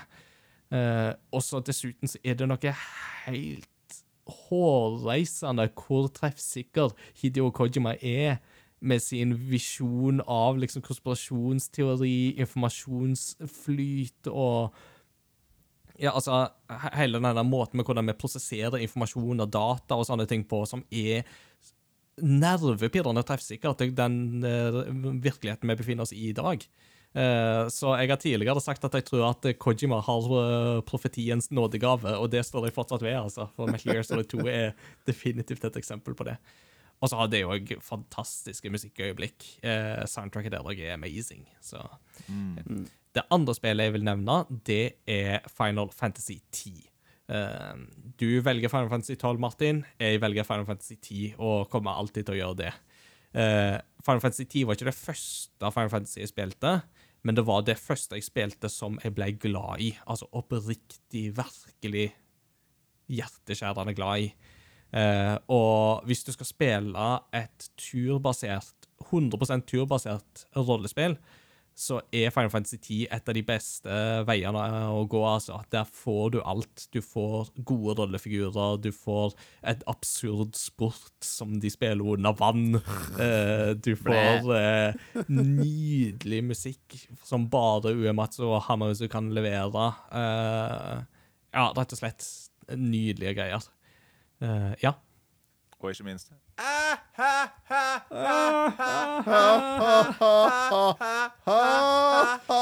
I don't think you should laugh anymore. Og det tredje, og det tredje spillet som jeg da vil nevne, det er litt juks, for jeg spilte det på PlayStation 3 i HD-versjon, men eh, det er jo likevel et PlayStation 2-spill først og fremst. Shadow of the Colossus. Det er fortsatt den dag i dag så er det ingen spill som er helt det samme som Shadow of the Colossus. Det er helt enestående, det spillet der. Det er så unikt og så særegent i alt eh, at det er et mesterverk uten sidestykke. Eh, og har du ikke spilt det, plukk opp eh, PlayStation 4-remaken som Bluepoint lagde. Det er jo de samme som nå lager Demon Souls til PlayStation 5. Eh, og du bare det, det er et fantastisk håndverk de har gjort der òg, altså. Men uh, ja, Shadow of the Colossus. Magisk, magisk, magisk. Uh, et spill vi ikke har snakka om, men som var en sånn PlayStation 2 uh, Jeg skal si, føler jeg liksom er på i PlayStation 2-gudehimmelen, er jo Ico. Har dere Mm. spilt eh, Ico? Ja, Eller det Ico? følger eller? også, ja, det er jo forgjengeren til Shadow of the Colossus, og det følger med i HD-pakken som man kunne kjøpe på PlayStation 3, der Eco and Shadow of the Colossus, begge Mm. deler ble, kom ut på den pakken, da, så det var min inngangsport til de spillene. Men har du spilt det? Ja, det har jeg. Ja. ja. En siste shout-out til uh, kanskje det spillet jeg hadde det gøyest med mine venner på ungdomsskolen. Time Splitters. Med Mm. Yeah. kjempegøy eh, couch co-op eh, FPS. Uh, veldig, veldig gøy. Smooth. Timesplitters 2, da, regner jeg med. Ja. Ja, ja. Kan jeg, egentlig begge. Den evige klassikeren. jeg, Siste. jeg, må, jeg må komme med en honorable mention. Jeg vet at vi er på overtid. Men det spillet her, er Micro Machines eh, Ja, det har jeg på Eh, GameCube. Ja, jeg har det også på GameCube og Xbox, så jeg har alle tre av den. For dette, dette er et spill Det var sånn Når vi studerte, så var det sånn Hvis vi samla var hos oss, og i kollektivet bodde i, så var det sånn Det var bare et tidsspørsmål før noen sa Men eh, Micro Machines, eller? Ja. Eh, og da kunne vi sitte Altså, da var det sånn Vi kunne ha andre planer, men det ble Micro Machines den kvelden. Mm. Yes. Og, og det går ikke så langt ifra Micro Machines-formelen fra tidligere versjoner av spillet. Men for et fantastisk fireplayer-spill, altså. Eh, å spille det, det er ufattelig engasjerende. Og så er det sånn Du kan bli god i det, men allikevel, uansett hvor god du er i det, så kan du allikevel ta og svinge feil i en sving og bare ødelegge hele racet. Eh, Ja. så det eh, anbefales eh, sterkt fra meg. Yeah. Mm. Så, som dere skjønner, mange gode minner, mange gode spillopplevelser fra PlayStation 2 der, altså. En konsoll som fortsatt eh, er varmt i våre hjerter 20 år senere, så glass eh, heves til ære for eh, denne konsollen. Som jammen meg ikke var så verst, den heller. Og fortsatt den dag i dag en konsoll som er verd For dette er en hebreke pachinko-kontroller til Super Nintendo. It's curiosity. What are you gonna show to me? It's curiosity. What a neat thing to know. It's curiosity. What are you gonna show to me? I haven't even heard of it. What a neat thing to know. It's a great part of the show. All right, vi er litt på overtid nå, så nå må vi bare gønne på med kuriositeten. Og da, til ære for Sean Connerys bortgang, så tenkte jeg å snakke om kuriositeten som er spillet From Russia With Love, som kom til PlayStation 2, GameCube og Xbox. Så det er innafor denne tidsepoken her. Eh, det spillet kom eh, sånn på midten av 2000-tallet. eh, ganske lenge etter filmen From Russia With Love. Den er jo fra 63 eller 64, hvis jeg ikke husker helt feil. Så vi snakker nesten 40 år etterpå. Eh, men eh, dette var eh, et eh, interessant Bond-spill på mange områder. For det første, det var det siste James Bond-spillet som EA fikk laga. Eh, etter det så var det Activision som tok over den lisensen. Men det er kanskje ikke det mest interessante. De to tingene som egentlig er mest interessante, er at det er det første eksempelet på hvordan de, i stedet for å lage et Bond-spill opp imot en film som var aktuell nå, så gikk de tilbake i tid, og gikk tilbake til en gammel James Bond-klassiker i stedet. Eh, og da gikk de til en av disse kjente og kjære med Sean Connery i hovedrollen. Og det mest interessante der er jo at de tenkte at OK, dette er en, et, eh, en film med Sean Connery. Han lever ennå. Vi skal ikke få han til å spille inn stemmen sin på nytt, da. Jo, jo. Så de eh, ringte Sean Connery, og han takka ja til den jobben. Og selv om Sean Connery hadde et litt anstrengt forhold til James Bond, så kom han tilbake og spilte inn stemmen eh, til James Bond som på nytt. Hovedproblemet er jo bare det at han er jo 40 år eldre, og det hører du når du spiller det spillet. Så det er litt sånn at du kan høre at han er blitt litt eldre og litt rusten. og uh, ja, litt sånne ting. Ja, Mats Jakob. Jeg vet at vi er på overtid, men her må jeg dele en historie. For det, eh, dette spillet eh, kjøpte jeg eh, når eh, det kom ut. Eh, og dette var da Jeg fortalte jo tidligere om at min far når jeg og min far var hjemme alene, så var det fort pølser eller lungemors og James Bond. Og mm. meg og pappa var hjemme alene en helg, og vi var i byen, og så så jeg dette spillet. Og så har jeg mange ganger eh, prøvd å få min far til å bli med og spille. Mm. Og så så jeg dette spillet, og så tenkte jeg Er det ett spill jeg skal klare å få med min far til å spille på, så er det dette. eh, og eh, jeg klarte å overtale min far til å kjøpe det. Og når jeg da hadde overklart, overtalt min far til å kjøpe det, så klar, måtte jeg overtale han til å kjøpe en kontroll til, for jeg hadde jo bare én kontroll til GameCube. Så jeg kommer hjem fra byen med pappa og har overtalt han til å kjøpe James Bond og en ekstra kontroll. For jeg tenkte yes, nå, nå har jeg endelig klart å få min far til å være med og spille. Eh, han sto og så på meg i fem minutter spille det spillet, og så sa han Det der er jo ikke Sean Connery. Og så gikk han. Og vi spilte ikke ett minutt sammen. Eh, og det er veldig gøy når det faktisk var Sean Connery som hadde Ja. stemmen. Han Det, det må ja, du si til din far, at Ja, det han var- er Sean Connery. han, jeg kan aldri tro at min far hu kan huske at han var med meg og kjøpe et James Bond-film som han lovte han skulle være med og spille, som han aldri var med meg og spille. Nei. Så eh, Og mens vi snakker om uh, Sean Connery og kuriositeter, så må jeg jo nevne at uh, han fikk jo tilbud om ganske mange roller i løpet av sin levetid. Visste dere at han var aktuell i rollen som Gandalf i Lord of the Rings? oi. Men han takka nei, for uh, som han sa I couldn't understand the script. Så der har dere det. Det Get kunne vært to Fly you fools. Eh, Altså, ikke en god nummer to eh, der, da. For at det skal være sagt. Jo, shall not pass. Posh. I wish I wish I did never late. Yes. I come across over gaming. Behind number falling. Behind number falling today. All right. Anbefaling. Martin, du har notert serie fra 2005. Hva er det nå du skal Ja. anbefale? En serie fra 2005 um, som uh, fortsatt til den dag i dag får nye seere og streams. Um, veldig mange gifs fra denne her serien på internett. Kan dere uh, tenke dere fram til hvilken serie jeg skal anbefale? The Office. The Office. Ah. American. Jeg var ganske treig på The Office. Jeg begynte å se i år. Eh, fan av Parks and Recreation. Ja Det sitter jeg og ser nå. Og um, ja, det er fantastisk. Det har jeg sett alt uh, to ganger. Please and thank you. you. Så er det noe med den mockumentary-sjangeren der The Office har like mange styrker som eh, Parks and Recreation, syns jeg. Mm. Altså Det er litt sånn perfekt serie hvis du vil, vil ha på noe som får deg til å humre og eh, en sånn lettbeint eh, Sånn eh, du kan ha i hverdagen, liksom, for å få deg i litt bedre humør.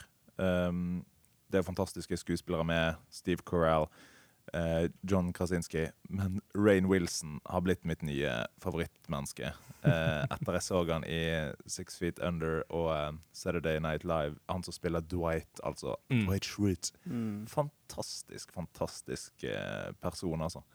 Så um, det holder seg veldig bra.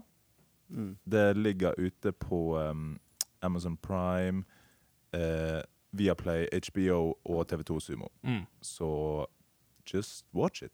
Yeah, definitely. All right. Da har vi kommet til postludium. Og Mats Jakob, i dag ser jeg at du har funnet noe veldig kuriøst. Og holdt jeg på å si, du har gravd godt i skattkista for å finne denne her, tror jeg.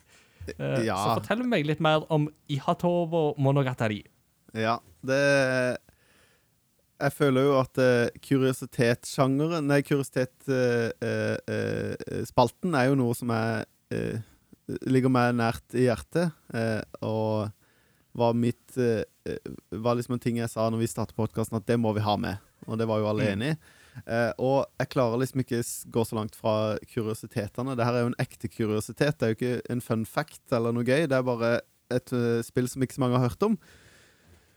Og inntil nylig så hadde ikke jeg heller hørt om det spillet her. Men jeg har snakka før om en uh, YouTube-kanal som heter SNES Drunk.